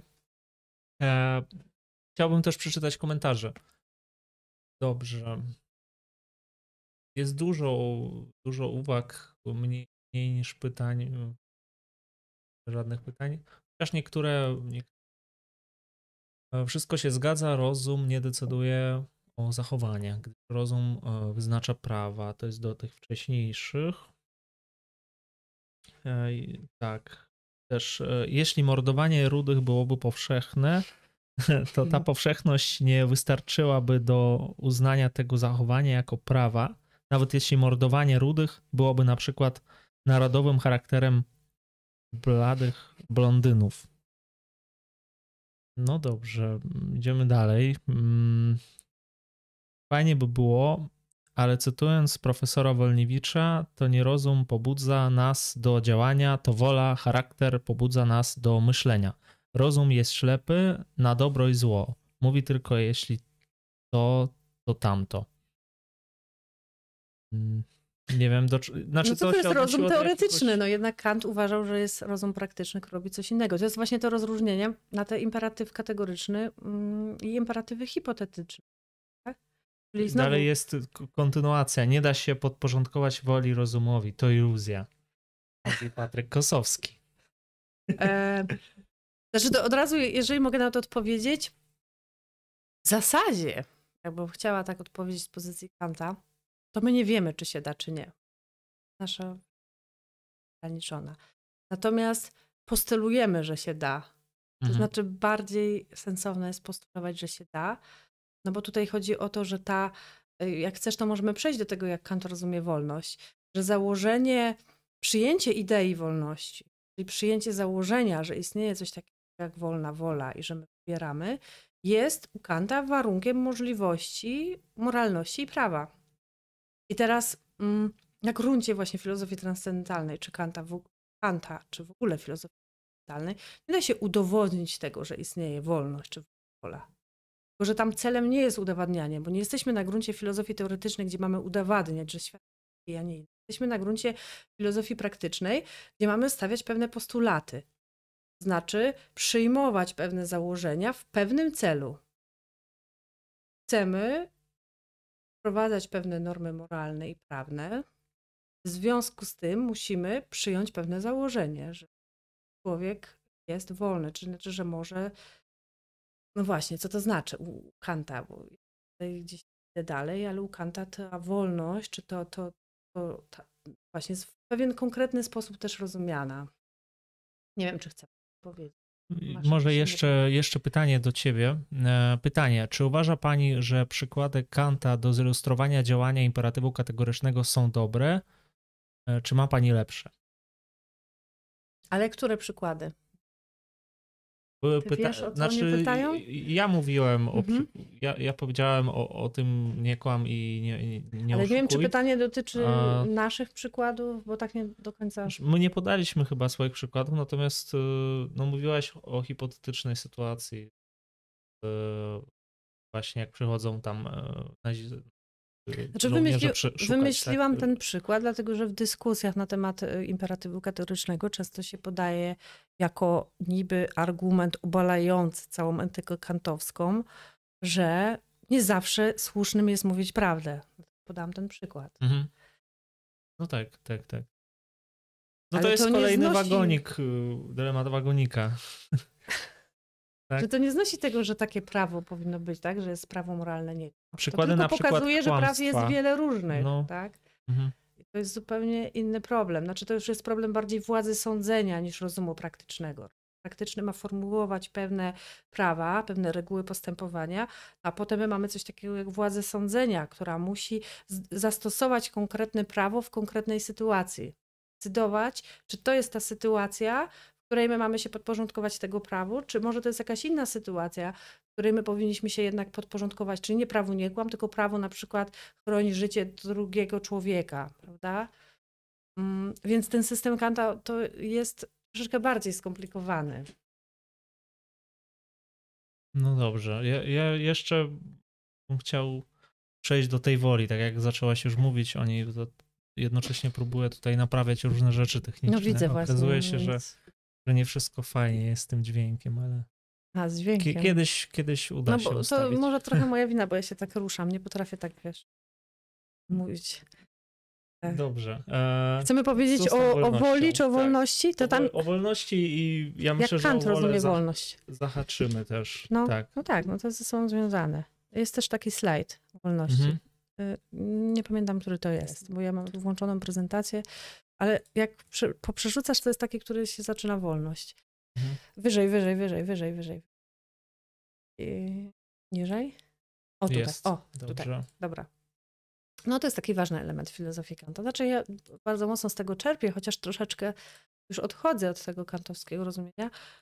No przede wszystkim to jest bardzo ważne, trzeba powiedzieć, że wolność już u Kanta to nie jest jakiś brak determinacji, tylko to jest inny, nowy rodzaj determinacji. Jest to po prostu autonomia woli.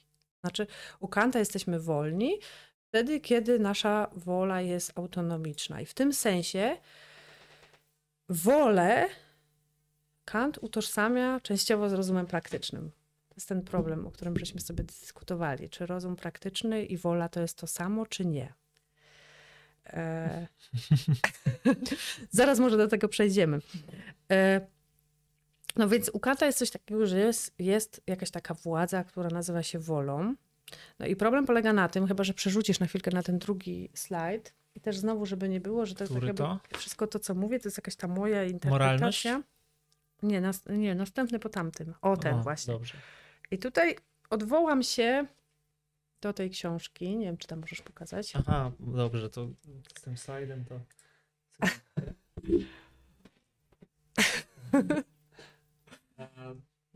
Coś tam widać? Widać, widać, widać. No, trochę daleko, ale Heinera widać. Kleme, Oblicza Wolności, studia z praktycznej filozofii Kanta i jej historia. Bo od razu tutaj zaznaczę, że zaprosiłeś mnie na, na stream o filozofii praktycznej Kanta, ale nie jestem jakąś tam nie uważam się za jakąś świetną specjalistkę akurat z tego zakresu, więc zawsze się odwołuję do innych osób, które uważam, że akurat właśnie tym fragmentem się zajmują.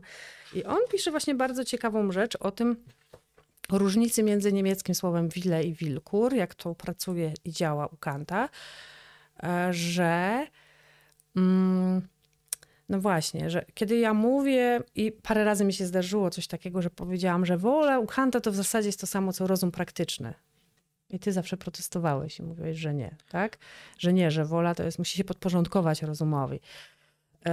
No i teraz znowu zależy na czym Może pracujemy. rozum musi podporządkować wolę. Można by powiedzieć, że wola to jest po prostu dobra wola, czyli to jest taka wola, która już jest podporządkowana rozumowi praktycznemu. Tak?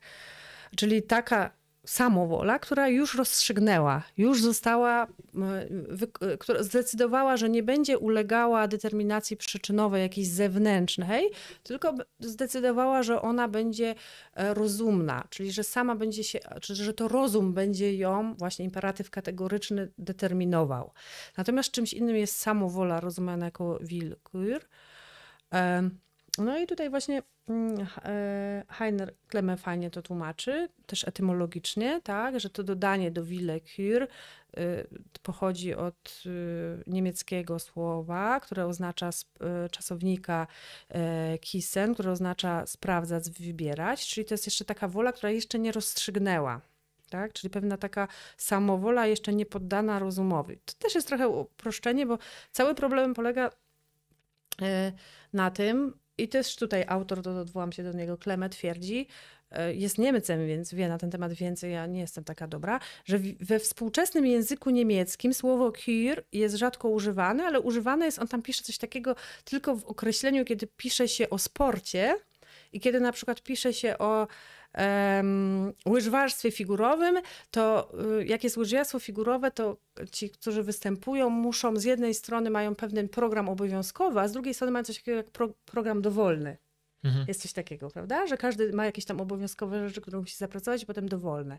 I właśnie te cure pojawia się właśnie tylko na określenie właśnie tego typu jazdy, tak? A przeciwieństwem jest obowiązkowa, czyli y, taka y, y, związana właśnie z Mm, właśnie z tym obowiązkiem. Więc można byłoby powiedzieć, że to jest jakieś takie przeciwieństwo troszeczkę u Kanta, tak? że jest pewien, pewne dwa rodzaje rozumienia woli. I y, Klemy też bardzo ciekawie mówi, że tak naprawdę to rozróżnienie u Kanta ma pochodzenie, mm, że Kant nawiązuje do metafizyki Baumgartnera, Mhm. W metafizyce Baumgartnera było rozróżnienie na wyższą i niższą władzę pożądania. Niższa władza pożądania to była taka, która gdzieś tam wynikała z naszego uwarunkowania empirycznymi, uwarunk- jakimiś różnymi pobudkami, tak, że my dążymy właśnie na przykład do przyjemności, jakichś swoich skłonności, czyli kiedy, kiedy nasza wola podąża w, w tą stronę, tak, że kierujemy się jakimś, nie wiem, pożądaniem, pobudkami, dążeniem, nie wiem, do przyjemności czy do realizacji jakichś takich właśnie mm, skłonności, tak, skłonności różnego rodzaju, to wtedy mamy do czynienia właśnie jeszcze z samowolą. Natomiast z wolą, czyli z, z rozumem praktycznym, to jest właśnie ta wyższa władza pożądania, mamy do czynienia wtedy, kiedy, jesteś, kiedy już działamy rozumnie czy racjonalnie. Tak? I to jest jakby cały ten problem problemu wolności Kanta, jakbyś wrócił do poprzedniego slajdu, to jest to, co Kantowi często zarzucano, że u niego nie ma takiego wyraźnego rozróżnienia na wolność w rozumieniu negatywnym i pozytywnym, dlatego że e, negatywne rozumienie wolności w zasadzie utożsamiane jest z pozytywnym. To znaczy u Kanta my jesteśmy niezależni od bycia określonym przez nasze zewnętrzne pobudki tylko wtedy, kiedy już się podporządkowujemy rozumowi.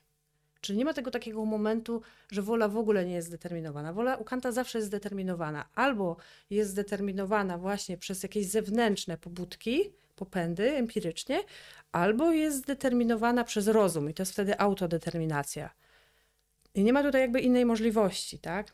Czyli wolność, tak jak mówię, nie jest brakiem determinacji, jakimś takim momentem rozstrzygnięcia. Nie wiem, czy to jest zrozumiałe, może na jakimś przykładach. Ja tak... myślałem ciągle o tym, że mm, bo w polskim tłumaczeniu pojawia się dobra wola i jest jeszcze jakaś wola. Nie pamiętam, czy tam było słowo zła wola. Chyba, chyba nie używa tego zbyt często albo wcale, bo nie, bo nie pamiętam.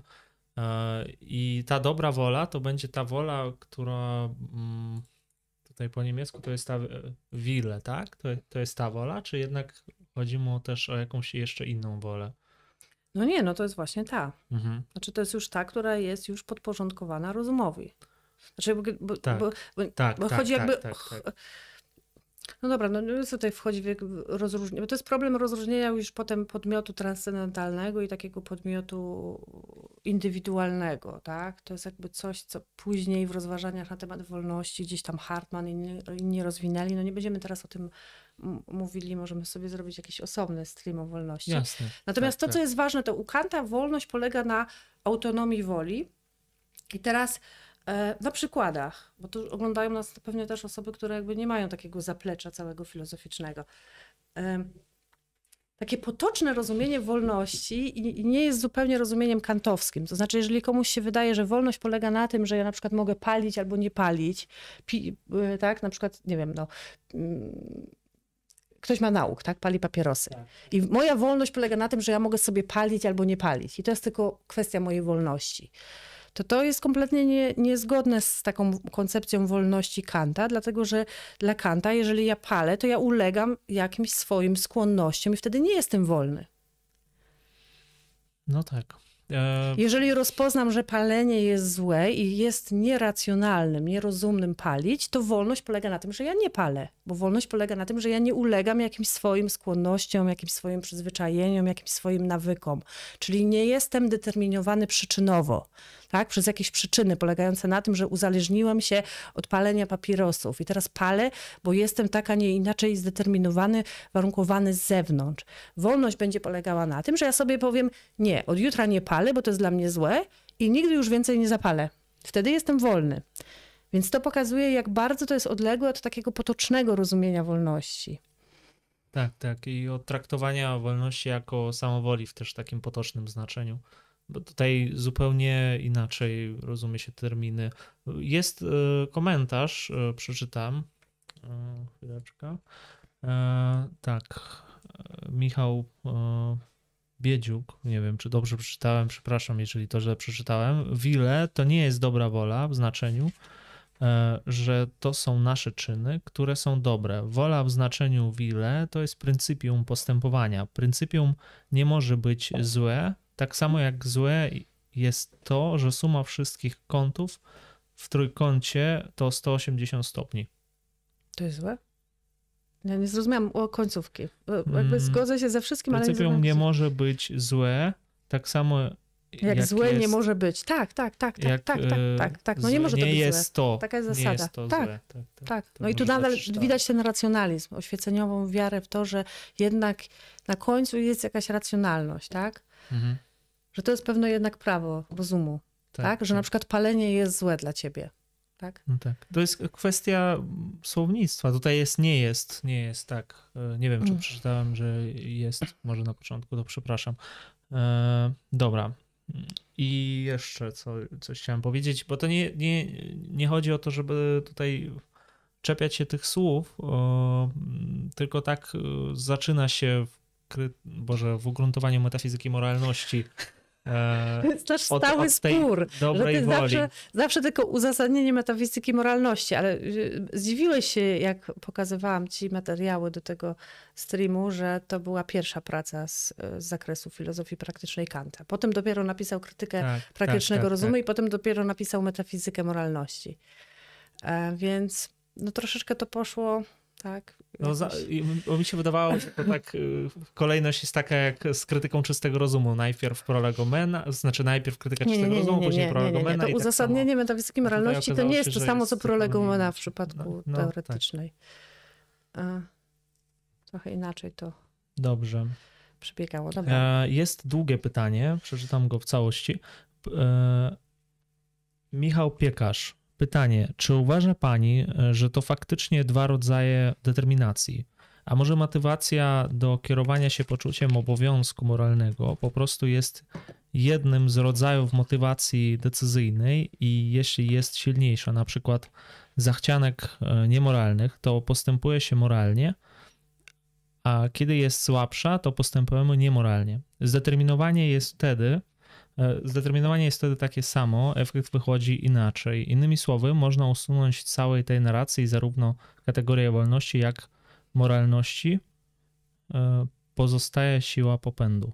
Znaczy, znaczy, no to, to rozumiem pytanie. Chodzi o to, czy możemy jednak wyrzucić tą determinację teologiczną celową i tłumaczyć świat nadal przyczynowo. No, mm, ja nie dam odpowiedzi na wszystkie możliwe pytania. No, ja przychylam się jednak ku takiemu stanowisku ontologicznemu, że taki monizm deterministyczny, który jest powszechny oczywiście, nie tylko w myśleniu potocznym, ale w ogóle w filozofii, że jest tylko jeden rodzaj determinacji, czyli przyczynowa, no mnie nie przekonuje, bo wydaje mi się, że tak jednak nie jest.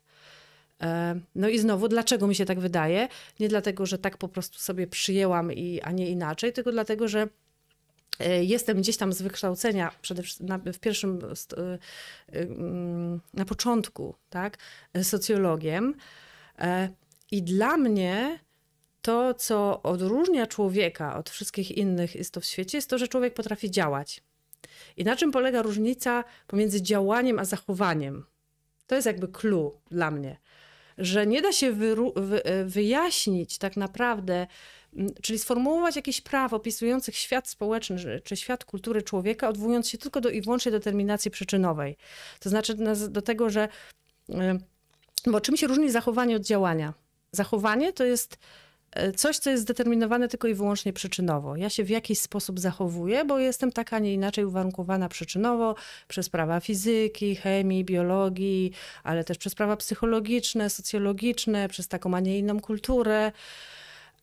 Natomiast to jest zachowanie. Mm, wszystkie nauki społeczne e, tworzą kategorię tak zwanego działania. I działanie różni się od zachowania tym, że jest oczywiście także zdeterminowane przyczynowo, bo wszystko jest zdeterminowane przyczynowo, ale dodatkowo jest także zdeterminowane celowo. To znaczy, ja stawiam sobie pewne cele, do których realizacji dążę. I to nie znaczy, że w tym momencie unieważniam wszystkie inne przyczyny, które mnie determinują, tylko stawiam sobie pewne cele, które to, że ja sobie stawiam a taki inny cel, staje się kolejną przyczyną w świecie. Mhm. I wydaje mi się, że to troszeczkę tak trochę poszłam w inną stronę, ale wydaje mi się, że to jest jakby dobra odpowiedź na to pytanie, że nie jesteśmy w stanie wszystkiego jakby zredukować do takiego tłumaczenia, że no dobrze, ale ostatecznie można byłoby powiedzieć, że to, że taki, a nie inny cel obieram, jest jakoś tam zdeterminowane przyczynowo. To, y, czyli to mogłoby prowadzić znowu do takiej tezy, że no tak naprawdę ja nie wybieram tak, celów, tylko jakoś przyczynowo jestem zdeterminowana do wybierania takich, a nie innych celów. Tylko znowu problem polega na tym, że jeżeli tak przyjmiemy, to nie ma żadnego uzasadnienia dla moralności i prawa. Tak? No tak. Czy rozumiesz to, dlaczego tak, nie ma? Tak, dlatego że no, w tym przypadku... Jak możemy wtedy ludzi pociągać do odpowiedzialności? Jest, co w ogóle robimy i tak przecież jesteśmy zdeterminowani przez prawa natury tam i czegokolwiek innego, przez prawa po prostu tego. No właśnie, no to jak, dlaczego możemy po, pociągać do, do odpowiedzialności człowieka za to, że kogoś zabił, jeżeli uznamy, że on w ogóle nie dokonał żadnego wyboru, tylko był całkowicie zdeterminowany do takiego, a nie innego zachowania?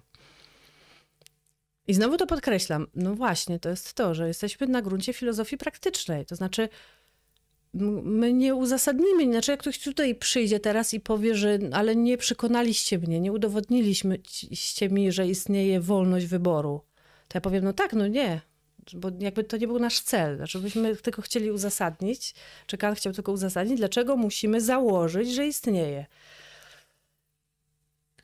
No tak. E, nie wiem, czy można by było to nazwać e, pragmatycznym dowodem za istnieniem wolności.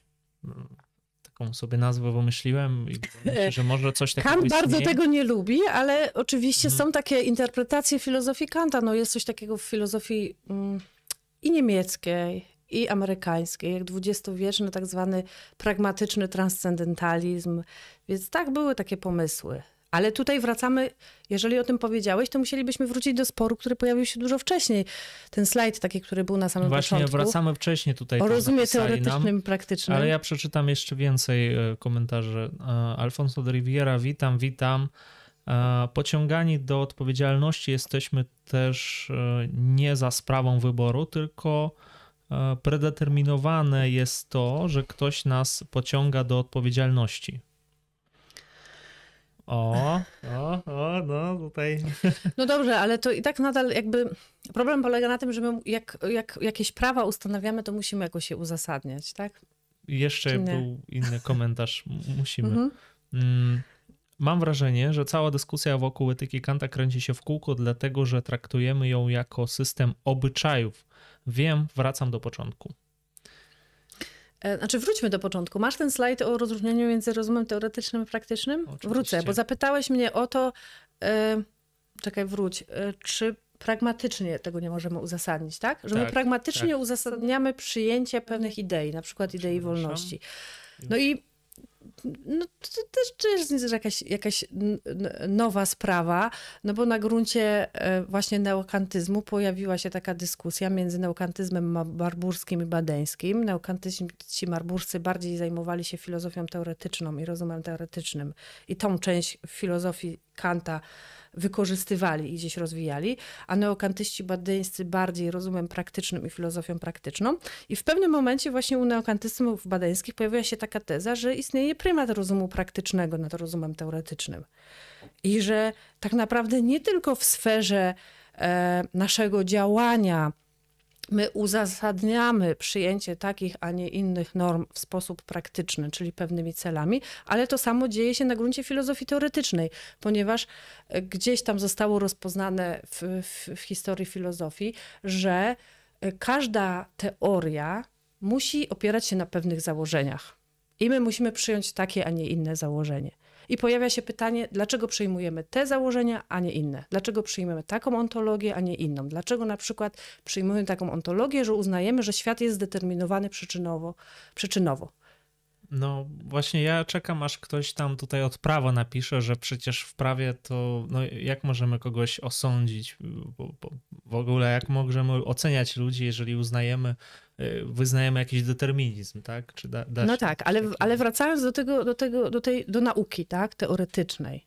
Mhm. Jakby każda tak naprawdę, i to Kant pokazał, tak? Kant to pokazał, że istnieją pewne założenia, które my przyjmujemy, musimy. One są warunkami możliwości na przykład fizyki newtonowskiej. Warunkami możliwości fizyki newtonowskiej są pewne sądy, które Kant właśnie próbował opisać w krytyce e, czystego rozumu, na przykład zasada przyczynowości, tak?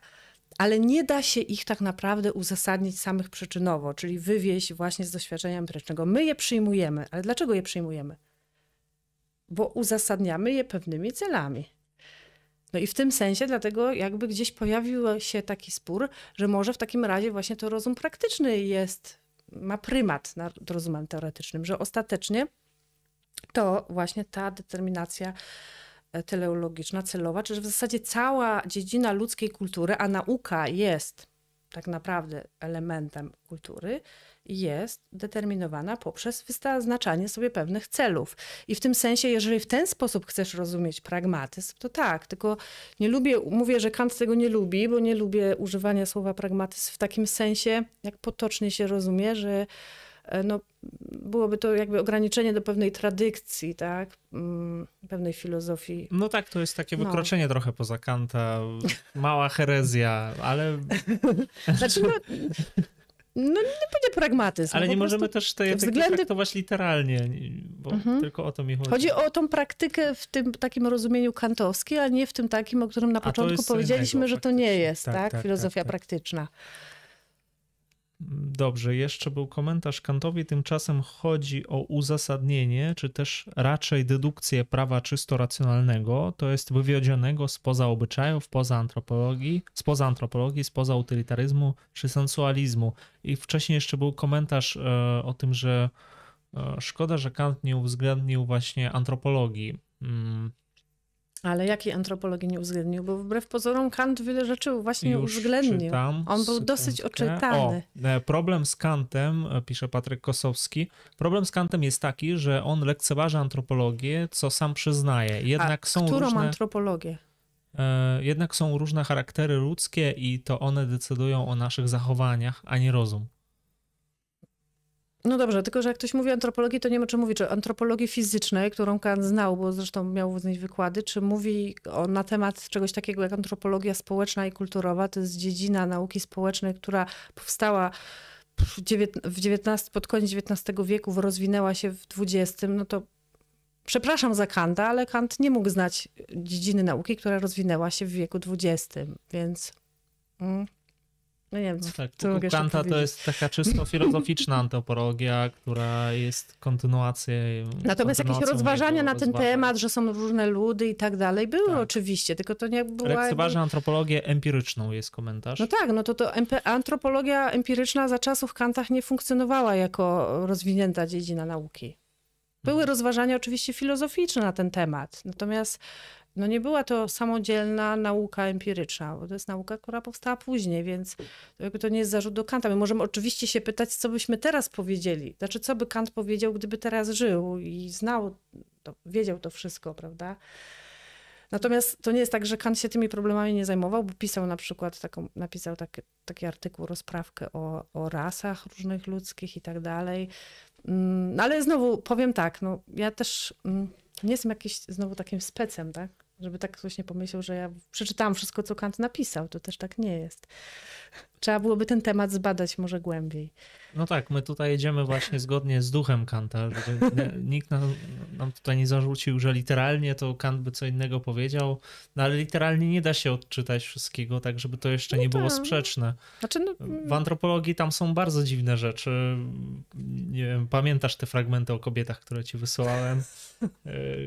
No tak, z jednej strony tak, a z drugiej strony Kant gdzieś tam powiedział, że, e, że Kant powiedział, że lubi rozmawiać ze wszystkimi, nawet z dziećmi z kobietami, więc widzimy jakiś postęp, oświecenie w jego myśleniu. Tak. E, Michał e, Biedziuk, e, ale nie dlatego, że nie miał wiedzy, bo miał, ale z zasady. Inaczej to nie, był, to nie byłby system racjonalny. No tak, no bo to jednak y, cały czas, cały czas wracamy do początków, no, że ta filozofia teoretyczna, ona nie może być wywiedziona, yy, znaczy praktyczna z teoretycznej. No to jest pewne założenie, które jest tam przyjęte.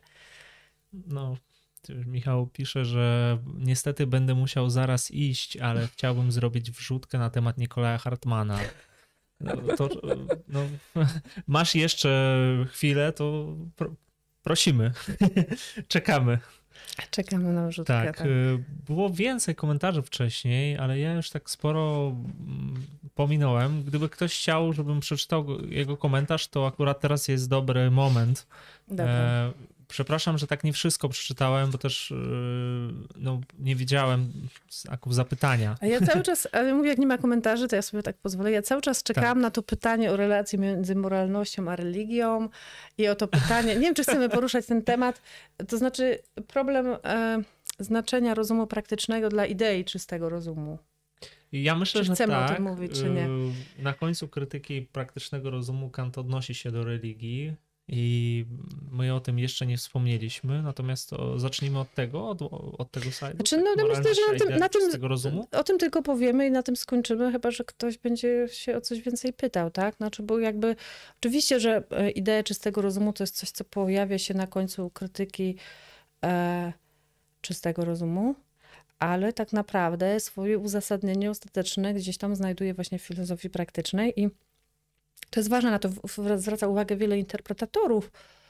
E, ja się muszę z tym zgodzić, że gdzieś tam okazuje się, że mamy te trzy idee czystego rozumu, tak? Ideę wolności, ideę Boga i ideę nieśmiertelnej duszy.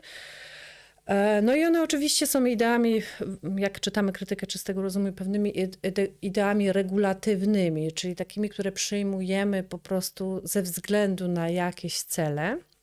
Ale te cele są różne. To znaczy, wyraźnie okazuje się w filozofii praktycznej Kanta, że ta idea wolności jest taką, jest wyróżnioną spośród tych wszystkich idei czystego rozumu, bo Kant wyraźnie pokazuje, i twierdzi, że to pokazała krytyka praktycznego rozumu, że idea wolności jest warunkiem możliwości, moralności i prawa.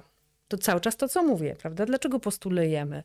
Bo chcemy e, ludzi oceniać i chcemy ludzi pociągać do odpowiedzialności. Chcemy także jakby siebie tak rozstrzygać, czy postąpiłem słusznie, czy nie. I to jest pewna, pewien warunek możliwości. Natomiast Kant jednak pokazuje, że pozostałe dwie idee czystego rozumu, czyli idea Boga i idea nieśmiertelnej duszy, także oczywiście są potrzebne i wynikają z jakichś naszych właśnie celów, czyli teologicznie możemy uzasadnić przyjęcie takich idei regulatywnych, natomiast nie są warunkami możliwości, moralności i prawa czy etyki.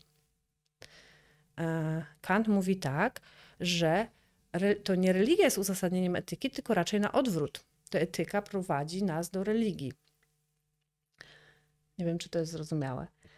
Znaczy, to jest zrozumiałe Dla dla mnie, ale zawsze to jest takie zastanawiające, bo można by było to zinterpretować w inną stronę, e, co zresztą robi się i się mówi, że na przykład u Kudurowicza w tej takiej książce Mhm. z serii No, Myśli to ludzie, pokazywać, bo i tak musimy potem, będzie, będzie pytanie o Tak, bibliografię i e, tak dalej. Ja myślę, że tą bibliografię umieścimy gdzieś. Dobra, to wrócimy ją No, potem. to wiele ludzi kojarzy tą serię Myśli ludzie. I Ale- on tam mówi, że Kantowi mm, uważa się, że jest niby kryptoateistą, ale tak nie jest. I, i Kryptoateistą. no, takiego terminu używa, o ile dobrze Mhm. pamiętam. E, Dlaczego? Dlatego, że właśnie e, tutaj są ide- idee Boga i że idea Boga jest warunkiem e, no właśnie, nie, właśnie, właśnie nie. Znaczy, jakby o co tutaj chodzi? Bo tutaj chodzi o to, że mm, jakby z, tej filoz- z tych rozważań Kanta wynika coś takiego, co może niektórym się spodoba, innym nie, że to nie jest tak, że jak ktoś nie wierzy w Boga, to nie może być moralny. Mhm. Może. Tutaj raczej chodzi o to, właśnie czemu te idee Boga i nieśmiertelności duszy są na gruncie filozofii Kanta potrzebne. No i tutaj tak naprawdę zbliżamy się w stronę czegoś takiego, co nazywa się antynomiami czystego, praktycznego rozumu Kanta. Jest taka antynomia polegająca na tym, jak pogodzić ze sobą e, dążenie do cnoty i dążenie do szczęścia, czy do szczęśliwości. No bo z jednej strony z całej tej etyki, z całej etyki, całej tej filozofii praktycznej, tak, wynika, że no, jeżeli chcemy być moralni, no to powinniśmy tam przestrzegać pewnych norm, tak, czyli powinniśmy być cnotliwi, no ale problem w takim normalnym, rzeczywistym życiu człowieka polega na tym, no dobra, ale ja też y, jestem tak uwarunkowany, że chciałbym być szczęśliwy. Mhm. No i teraz, czy da się pogodzić dążenie do cnoty z dążeniem do szczęścia? Czy nie? Czy trzeba powiedzieć tak, że y, no, dla, musisz zdecydować, co jest dla ciebie ważniejsze. Jeżeli zdecydujesz, że ważniejsze jest być moralnym, czyli być cnotliwym, no to może nie będziesz szczęśliwy, tak? Ktoś powie, że nie, nie, nie. No i teraz, kiedy ta, Kant roz, rozważa tę- antynomię w krytyce praktycznego rozumu, to on odwołuje się do filozofii starożytnej i do dwóch rozstrzygnięć. Do rozstrzygnięcia em, epikurejczyków i stoików. I mówi tak, że e, tam u epikurejczyków i stoików nastąpił e, No właśnie, no, no jakby ta, ponieważ jest ta antynomia, to tam oni, oby, e, obydwie strony dokonały pewnego zabiegu, który nie jest właściwy. To znaczy mówi tak, no co zrobili stoicy? Stoicy y, zrobili coś takiego, że powiedzieli, że Szczęście tak naprawdę sprowadza się do cnoty. To znaczy, będziesz szczęśliwy, kiedy będziesz cnotliwy. Szczęście polega na cnotliwości. Jesteś cnotliwy, ty czujesz wewnętrznie, że jesteś cnotliwy i to ci daje szczęście. I żadnego innego szczęścia nie ma. Natomiast epikurejczycy zrobili na odwrót. To znaczy, stwierdzili, że e, prawdziwą cnotą jest dążenie do szczęścia. Jesteś cnotliwy wtedy, kiedy postępujesz w ten sposób, że jesteś szczęśliwy. Tak? Czyli bycie, dążenie do szczęścia, bycie szczęśliwym jest prawdziwą, największą cnotą. No tutaj chodzi tylko o to, czyli, jak zdefiniowali to szczęście. Tak, bo... Czyli dokonali tak naprawdę z zrównania cnoty i szczęścia, jedni i drudzy. A tak. Kant mówi, że nie, jednak pozostaje antynomia. Że to są dwie jednak jakieś przeciwstawne, przeciwstawne cele, dążenia. I teraz co człowiek potrzebuje zrobić, mhm. żeby sobie uzasadnić, ale właśnie nie w sposób praktyczny, tylko właśnie w taki sposób, to jest, jak mówiliśmy, tym rozróżnienie między imperatywem kategorycznym i hipotetycznym. Kiedy, kiedy kierujemy się imperatywem hipotetycznym, to chcemy powiedzieć, że będziemy postępowali moralnie, bo to jest jakiś cel do osiągnięcia jakiego, to jest jakiś środek do osiągnięcia jakiegoś celu, na przykład do szczęśliwości. I teraz Kant y, zauważa, że w, w, tym takim życiu, w którym realnym, w którym jesteśmy, tak jednak nie jest. To znaczy wiemy, że to nie zawsze jest tak, że ci, którzy są cnotliwi, są szczęśliwi, a ci, którzy nie są cnotliwi, są nieszczęśliwi. I w związku z tym przyjęcie idei o, po pierwsze, y, wróć do tych idei. Y, o, po co są potrzebne te dwie idee? Idea nieśmiertelności duszy potrzebna jest w ogóle do tego, żeby można było uznać, że człowiek jest w stanie osiągnąć jakiś tam ideał, czyli to dobro absolutne, czyli tą cnotę, bo w tym tutaj normalnym życiu nie jest w stanie, bo jest skończony.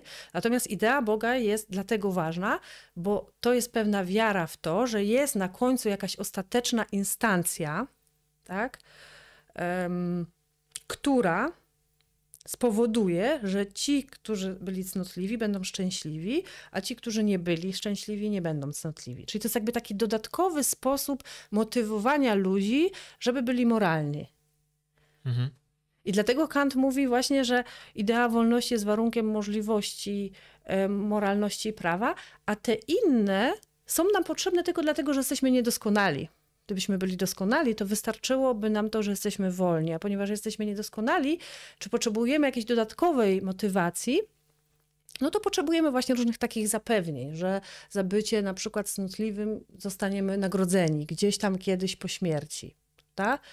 Czyli Kan mówi, że mamy w sobie tę ideę moralności i to z niej wynika właśnie przyjęcie pewnych założeń religijnych, a nie na odwrót. To znaczy, powiem jeszcze inaczej, można być moralnym nie wierząc w to, że zostanie się kiedyś za to nagrodzonym. No tak. I tak, tak trzeba robić. Czyli można ale... na przykład wierzyć, że będę no... całe życie cierpieć przez to, że jestem moralnym, ale i tak będę moralnym, bo. Wcześniej bo już tak. to powiedzieliśmy, a teraz jeszcze odnośnie właśnie do tej idei Boga, jeszcze raz jakby to powtórzyliśmy. To znaczy, ty tak. powiedziałaś. No i teraz y, odpowiedź na pytanie, czy Kant był ukrytym, e, czy jak to powiedziałaś, ateistą? Kryptoateistą. Ja, ja nie wiem, to musielibyśmy. No był, no... Ja potrzebuję, żeby ktoś zdefiniował, co to znaczy kryptoateista, bo nie wiem. No, albo może jeszcze inaczej. E, Myślę, że Kant nie Często był... Mu...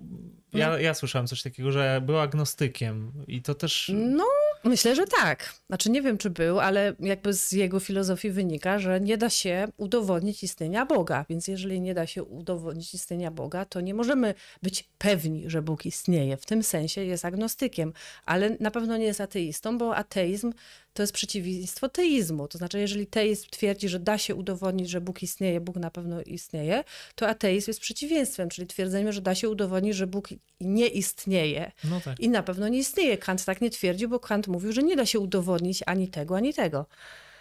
Więc w tym sensie na gruncie filozofii teoretycznej na pewno był agnostykiem, natomiast na gruncie filozofii praktycznej pewnie postulowałby jednak, żeby jakąś tam formę religijności czy wiary mhm. w coś e, przyjąć. No tylko mówiliśmy na innych streamach, że on był przeciwnikiem tej takiej konkretnej religii zinstytucjon zinstytucjonalizowanej. Mhm. Tak, tak. E, ja jeszcze przeczytam komentarze. Nie chcę odbiegać od tematu, no ale niestety te komentarze tak y, mogą nas no, dość daleko zaprowadzić. E, był komentarz o Hartmanie. Sekundkę. Mm. Dobrze. Co pani doktor sądzi o neoneokantyzmie? Może. No, pojawił się tutaj Hans Wagner. No, mam coś odpowiedzieć, tak? E, znaczy, nie wiem, czy chcesz. E, powiem tak, no, jeśli chodzi o neoneokantyzm, to znam tylko Hansa Wagnera, dwa jego główne dzieła, zresztą dużo nie napisał. E, filozofia i refleksja, a drugie to jest o, e, o godności człowieka. Co o tym myślę? No, uważam, że to jest bardzo owocne rozwinięcie filozofii potem Kanta, neokantyzmu i postneokantyzmu. No to jest pewna jakaś tam um, kontynuacja tego. Mhm.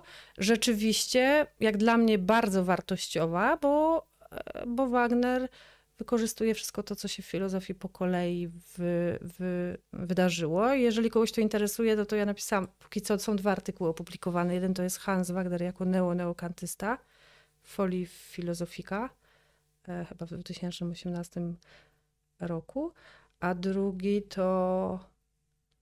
Mm, a drugi nie. Ja myślę, że da się no, znaleźć. Tak, tak. Ale już wrzucimy bibliografię. Drugi jeszcze nie jest opublikowany właśnie o tym, o tym transcendentalnym uzasadnieniu godności człowieka u Wagnera, ale to jest po, po angielsku.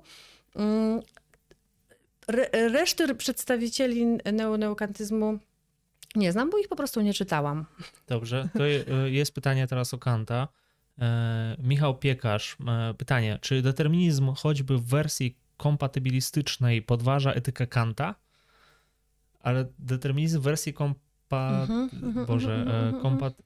kompatybilistycznej tak, tak. właśnie, bo są takie interpretacje, że Kant był kompatybilistą. Um, no tak, przy, pew przy, pewnej interpretacji tak. No to jest tak samo jak o Nikoleju Hartmanie. Znajomy profesor Leszek Kopciuch kiedyś napisał taki artykuł właśnie, ale akurat o koncepcji wolności u Hartmana. Czy to jest kompatybilizm, czy inkompatybilizm i generalnie u niego e, konkluzja była taka, że to jest rodzaj kompatybilizmu, ale zupełnie inny niż ten, który został ukształtowany na gruncie właśnie tej filozofii amerykańskiej, że oni jednak kompatybilizm troszeczkę inaczej rozumieją. To znaczy, że tam na gruncie kompatybilizmu e, wolność się e, tak naprawdę sprowadza tylko do wolności działania. I dlatego można wolność pogodzić z istnieniem powszechnej determinacji przyczynowej, że wolność nie jest tak naprawdę wolnością chcenia, tylko wolnością działania. To byłoby takie troszeczkę, nie wiem czy Schopenhauer, bo teraz już nie chcę namieszać, takie stwierdzenie, że ja wprawdzie nie mogę mm, decydować, czego chcę, ale mogę decydować, czy będę działać zgodnie ze swoimi chęciami. Um, więc no tak, no, no Kant na pewno można byłoby powiedzieć, że jest kompatybilistą, ale zupełnie nie w takim rozumieniu, bo on jednak wolność rozumiał troszeczkę inaczej. Nie, nie polegało to tylko na wolności działania, ale też na wolności właśnie um, poprzez samostanowienia imperatyw. pewnych praw, tak? tak? To znaczy, że tak jak powiedziałam, ponieważ my sobie e, stawiamy cele, dodajemy dodatkową determinację, tą autodeterminację, no to w pewien sposób jesteśmy niezależni od tej, od tej determinacji przyczynowej, ale to jest kompatybilizm, bo to nie przeczy istnieniu determinacji przyczynowej, wręcz przeciwnie. Bo nadal, bo jakby jeżeli ja ustanawiam pewien cel, do którego będę dążyć, no to przyczyną tego staje się właśnie ten mój akt obierania celu, więc to dalej jest przyczynowość, tak? Nie, nie, nie, nie mhm. przestaje istnieć. Znaczy to jest bardziej skomplikowane, bo u Kanta jednak mimo wszystko cały czas jest ten taki silny dualizm i to mu się zarzuca i to rzeczywiście jest, tak? Mamy komentarz e, fajny. Agżel, bardzo dobry stream. Gratulacje i pozdrowienia z Toronto. Ciekawe, kto to jest. E, dobrze. Była seria pytań o Hartmana i ja chcę do niej wrócić. E, była jeszcze wcześniej. Chwileczkę. Już, już, już. O, tak. Dobrze. Za dużo tutaj różnych rzeczy. Jest neokantyzm. O, jest. E, niestety będę musiał zaraz iść. Tak, tak, tak. Hartman odwraca imperatyw kategoryczny, powołując się właśnie na tą rzekomą nieścisłość w sformułowaniu, nigdy tylko jako środka. E, to bym poprosił jakieś rozwinięcie, bo tak... E, jest rozwinięcie, mhm. właśnie ja dalej już, już czytam. Znaczy, w jego interpretacji wartość, e, osobowość należy również do celu, jakim jest człowiek, co rozumie jako jego indywidualność, a zatem egoizm może być moralny, jeśli rozwija człowieka. I dalej. No tak, tylko że mm, moim znaczy, zdaniem... Ja nie do końca... Znaczy może ja wszystkie przeczytam. No. To ja na no, wszystkie może... nie odpowiem, bo ja Aha. zapamiętam tylko dobrze, ostatnie. Dobrze, to... To, no, no to je... Do tego Hartmana. Znaczy, no tak jak mówię, no o Hartmanie trzeba zrobić osobny streamy. Teraz krótko na to nie odpowiem, natomiast e, nie wiem, czy do końca odwraca. Musiałabym to przemyśleć, to pytanie, o co tu do końca chodzi. Wartość osobowości, no jest coś takiego, ale wróćmy do y, inna rzecz, o której nie powiedziałam, a może chciałam powiedzieć, to, to rozumienie moralności u Kanta. E, jakby u Hartmana i w ogóle w materialnej etyce wartości chodzi o to, że oni przyjmują, że istnieją różnego rodzaju wartości wartości moralne to jest tylko jeden z rodzajów wartości i jest tak samo uprawomocnione jak inne wartości. Tam mamy, gdyby najpierw zacząć od Schellera, tak, że mamy wartości hedonistyczne, utylitarne, duchowe i tak dalej, są różnego rodzaju i wszystkie są ważne, różnie uprawnione. U, Hart, u Schellera tam jest jeszcze pewna hierarchia, u Hartmana już jej nie ma. I to, że że mm, jakby działanie egoistyczne czy na swoją, dla swojej przyjemności niekoniecznie jest złe, to wcale w jakiś sposób nie przeczy do końca etyce kantowskiej, bo Kant mówi o wartościach moralnych, a wartości moralne to są właśnie wartości e, pewnych aktów wyboru człowieka.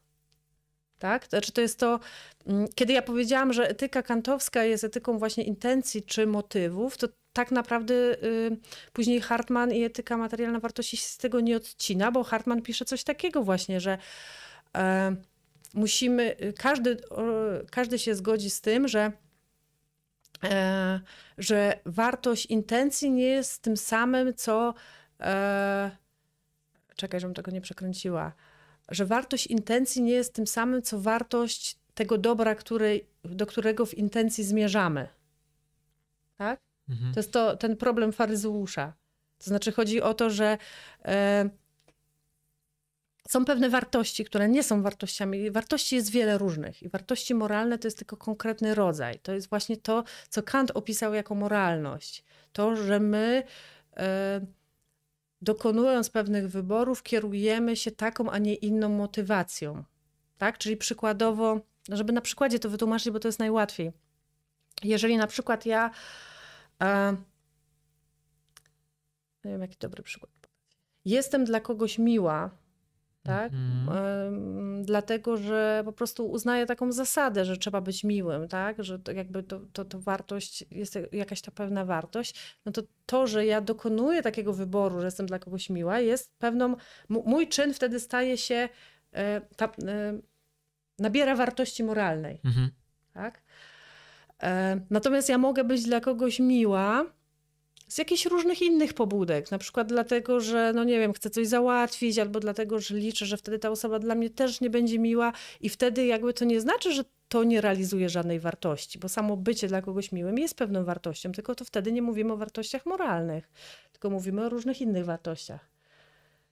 I w tej, i, więc ja bym nie powiedziała, że Hartman coś odwraca. Hartman uzupełnia, jakby dobudowuje tak, mhm. do tej etyki kantowskiej różne inne rzeczy i pokazuje, że to jest dużo bardziej skomplikowane że wartość moralną posiadają tylko czyny wolne człowieka, ale w świecie jest wiele różnych innych wartości.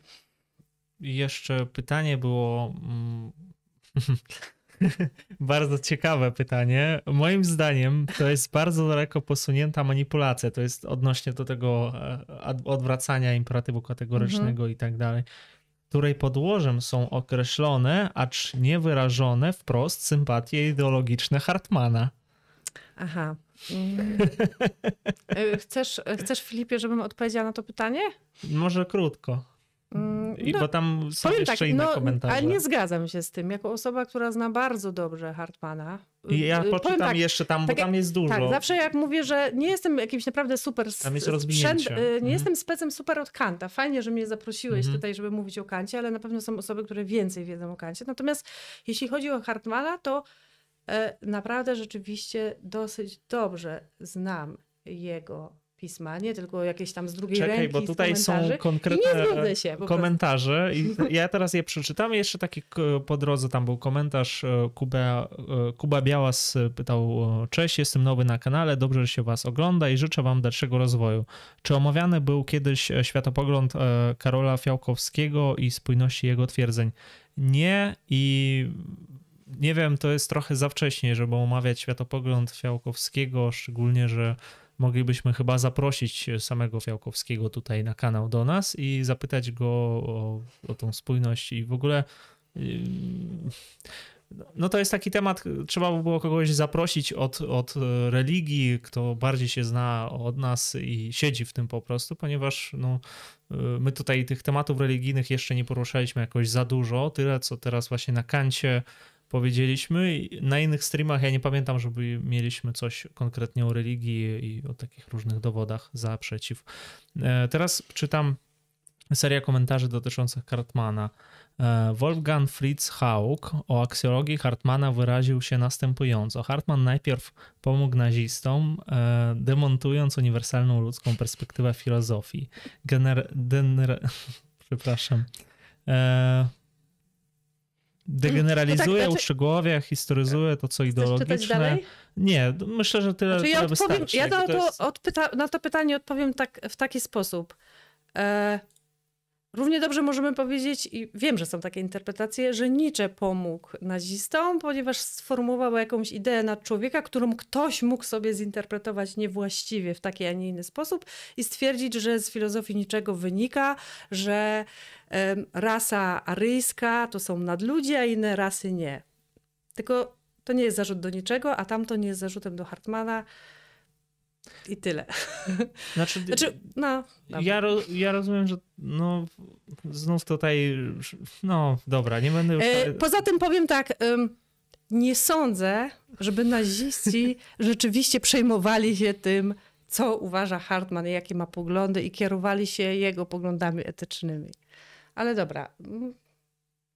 Po prostu się nie zgadzam, no ale oczywiście każdy może mieć swoje zdanie na ten temat. Dobra. No to był jeszcze komentarz do Kanta. Czy był, ateist, czy był ateistą, który nie przyznał się do ateizmu?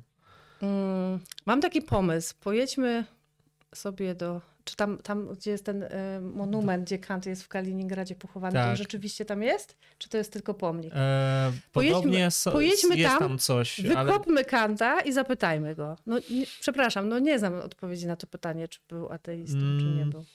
Był. Mhm. A wpłacał składki do kościołu?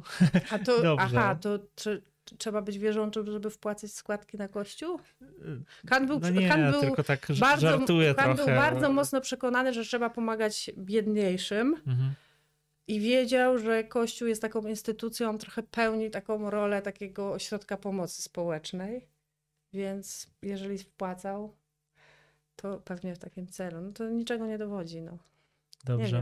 Yy, no i to jest koniec tych komentarzy, także ja yy, chciałem o tym wcześniej powiedzieć, yy, ale zachęcam wszystkich do lajkowania kanału i także do odwiedzenia blogu właśnie tutaj dr Pietras. Tam znajdziecie link na dole i ja myślę, że będziemy powoli zmierzać do końca. Jeżeli macie jeszcze jakieś pytania konkretne, to odpowiemy. Jeżeli nie, no to dziękujemy Wam za Wasze pytania, komentarze, uwagi, krytykę e, i mam nadzieję, że Wam się podobało. Napiszcie coś, chcemy usłyszeć Wasz głos e, w komentarzach. Jeżeli chodzi o nas, no to ja nie wiem, czy powiedzieliśmy wszystko to, co chcieliśmy, bo rzeczywiście. Nie, ja nigdy nie, nie mówię nie, wszystkiego, co chcę. Ale wszystkiego się nie da powiedzieć i czasami nie, nie, ma, nie, nie ma sensu wszystkiego mówić, dlatego że jest naprawdę dużo tych materiałów e, i po prostu myślę, że to, co powiedzieliśmy, to już jest dużo. E, nie wiem, czy czat nie działa, czy jest jakiś. O, jest komentarz. Tak. Świetnie było, dziękujemy. E, dziękujemy Google User. Czyli nie wiemy kto, ale my też dziękujemy bardzo. Tak. tak. I mm.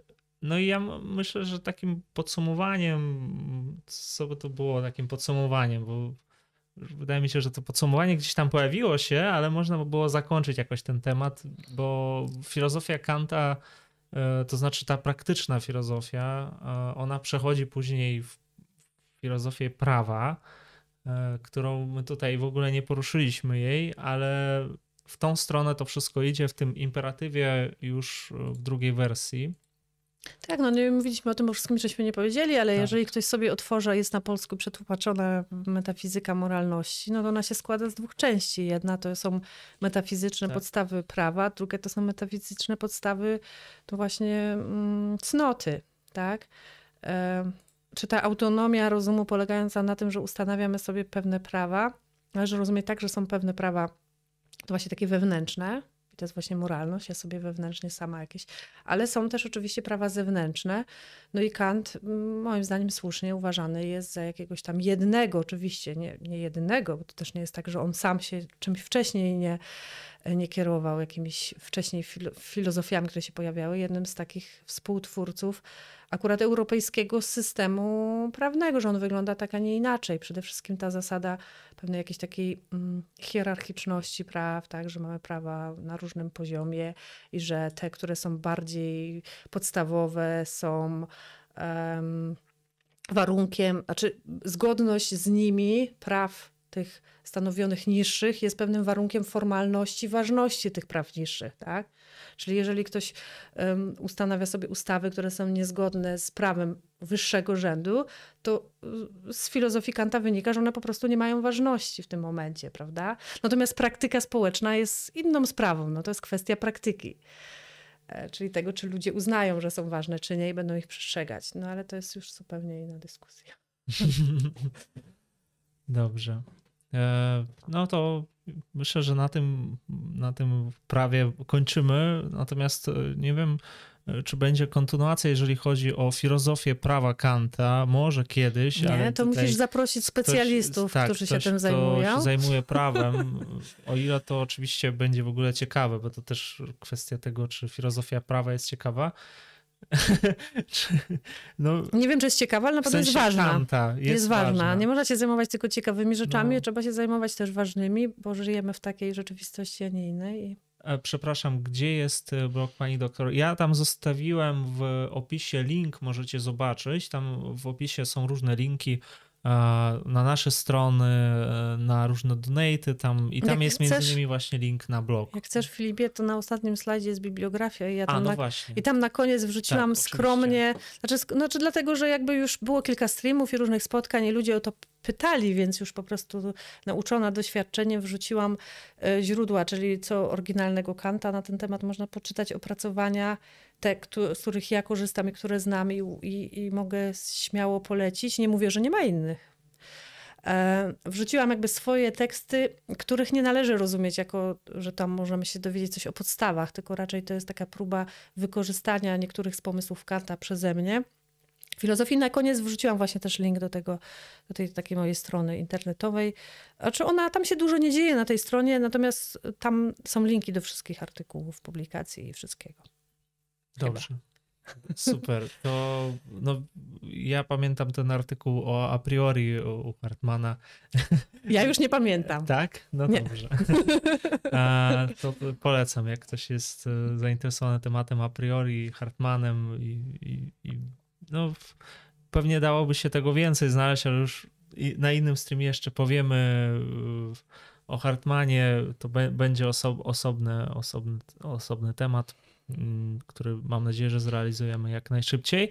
Dobrze, y, dziękuję jeszcze raz, dziękuję za Wasze komentarze. Y, wszystko działa, świetnie było, dziękujemy, super rozmowa, dzięki, dzięki, dzięki.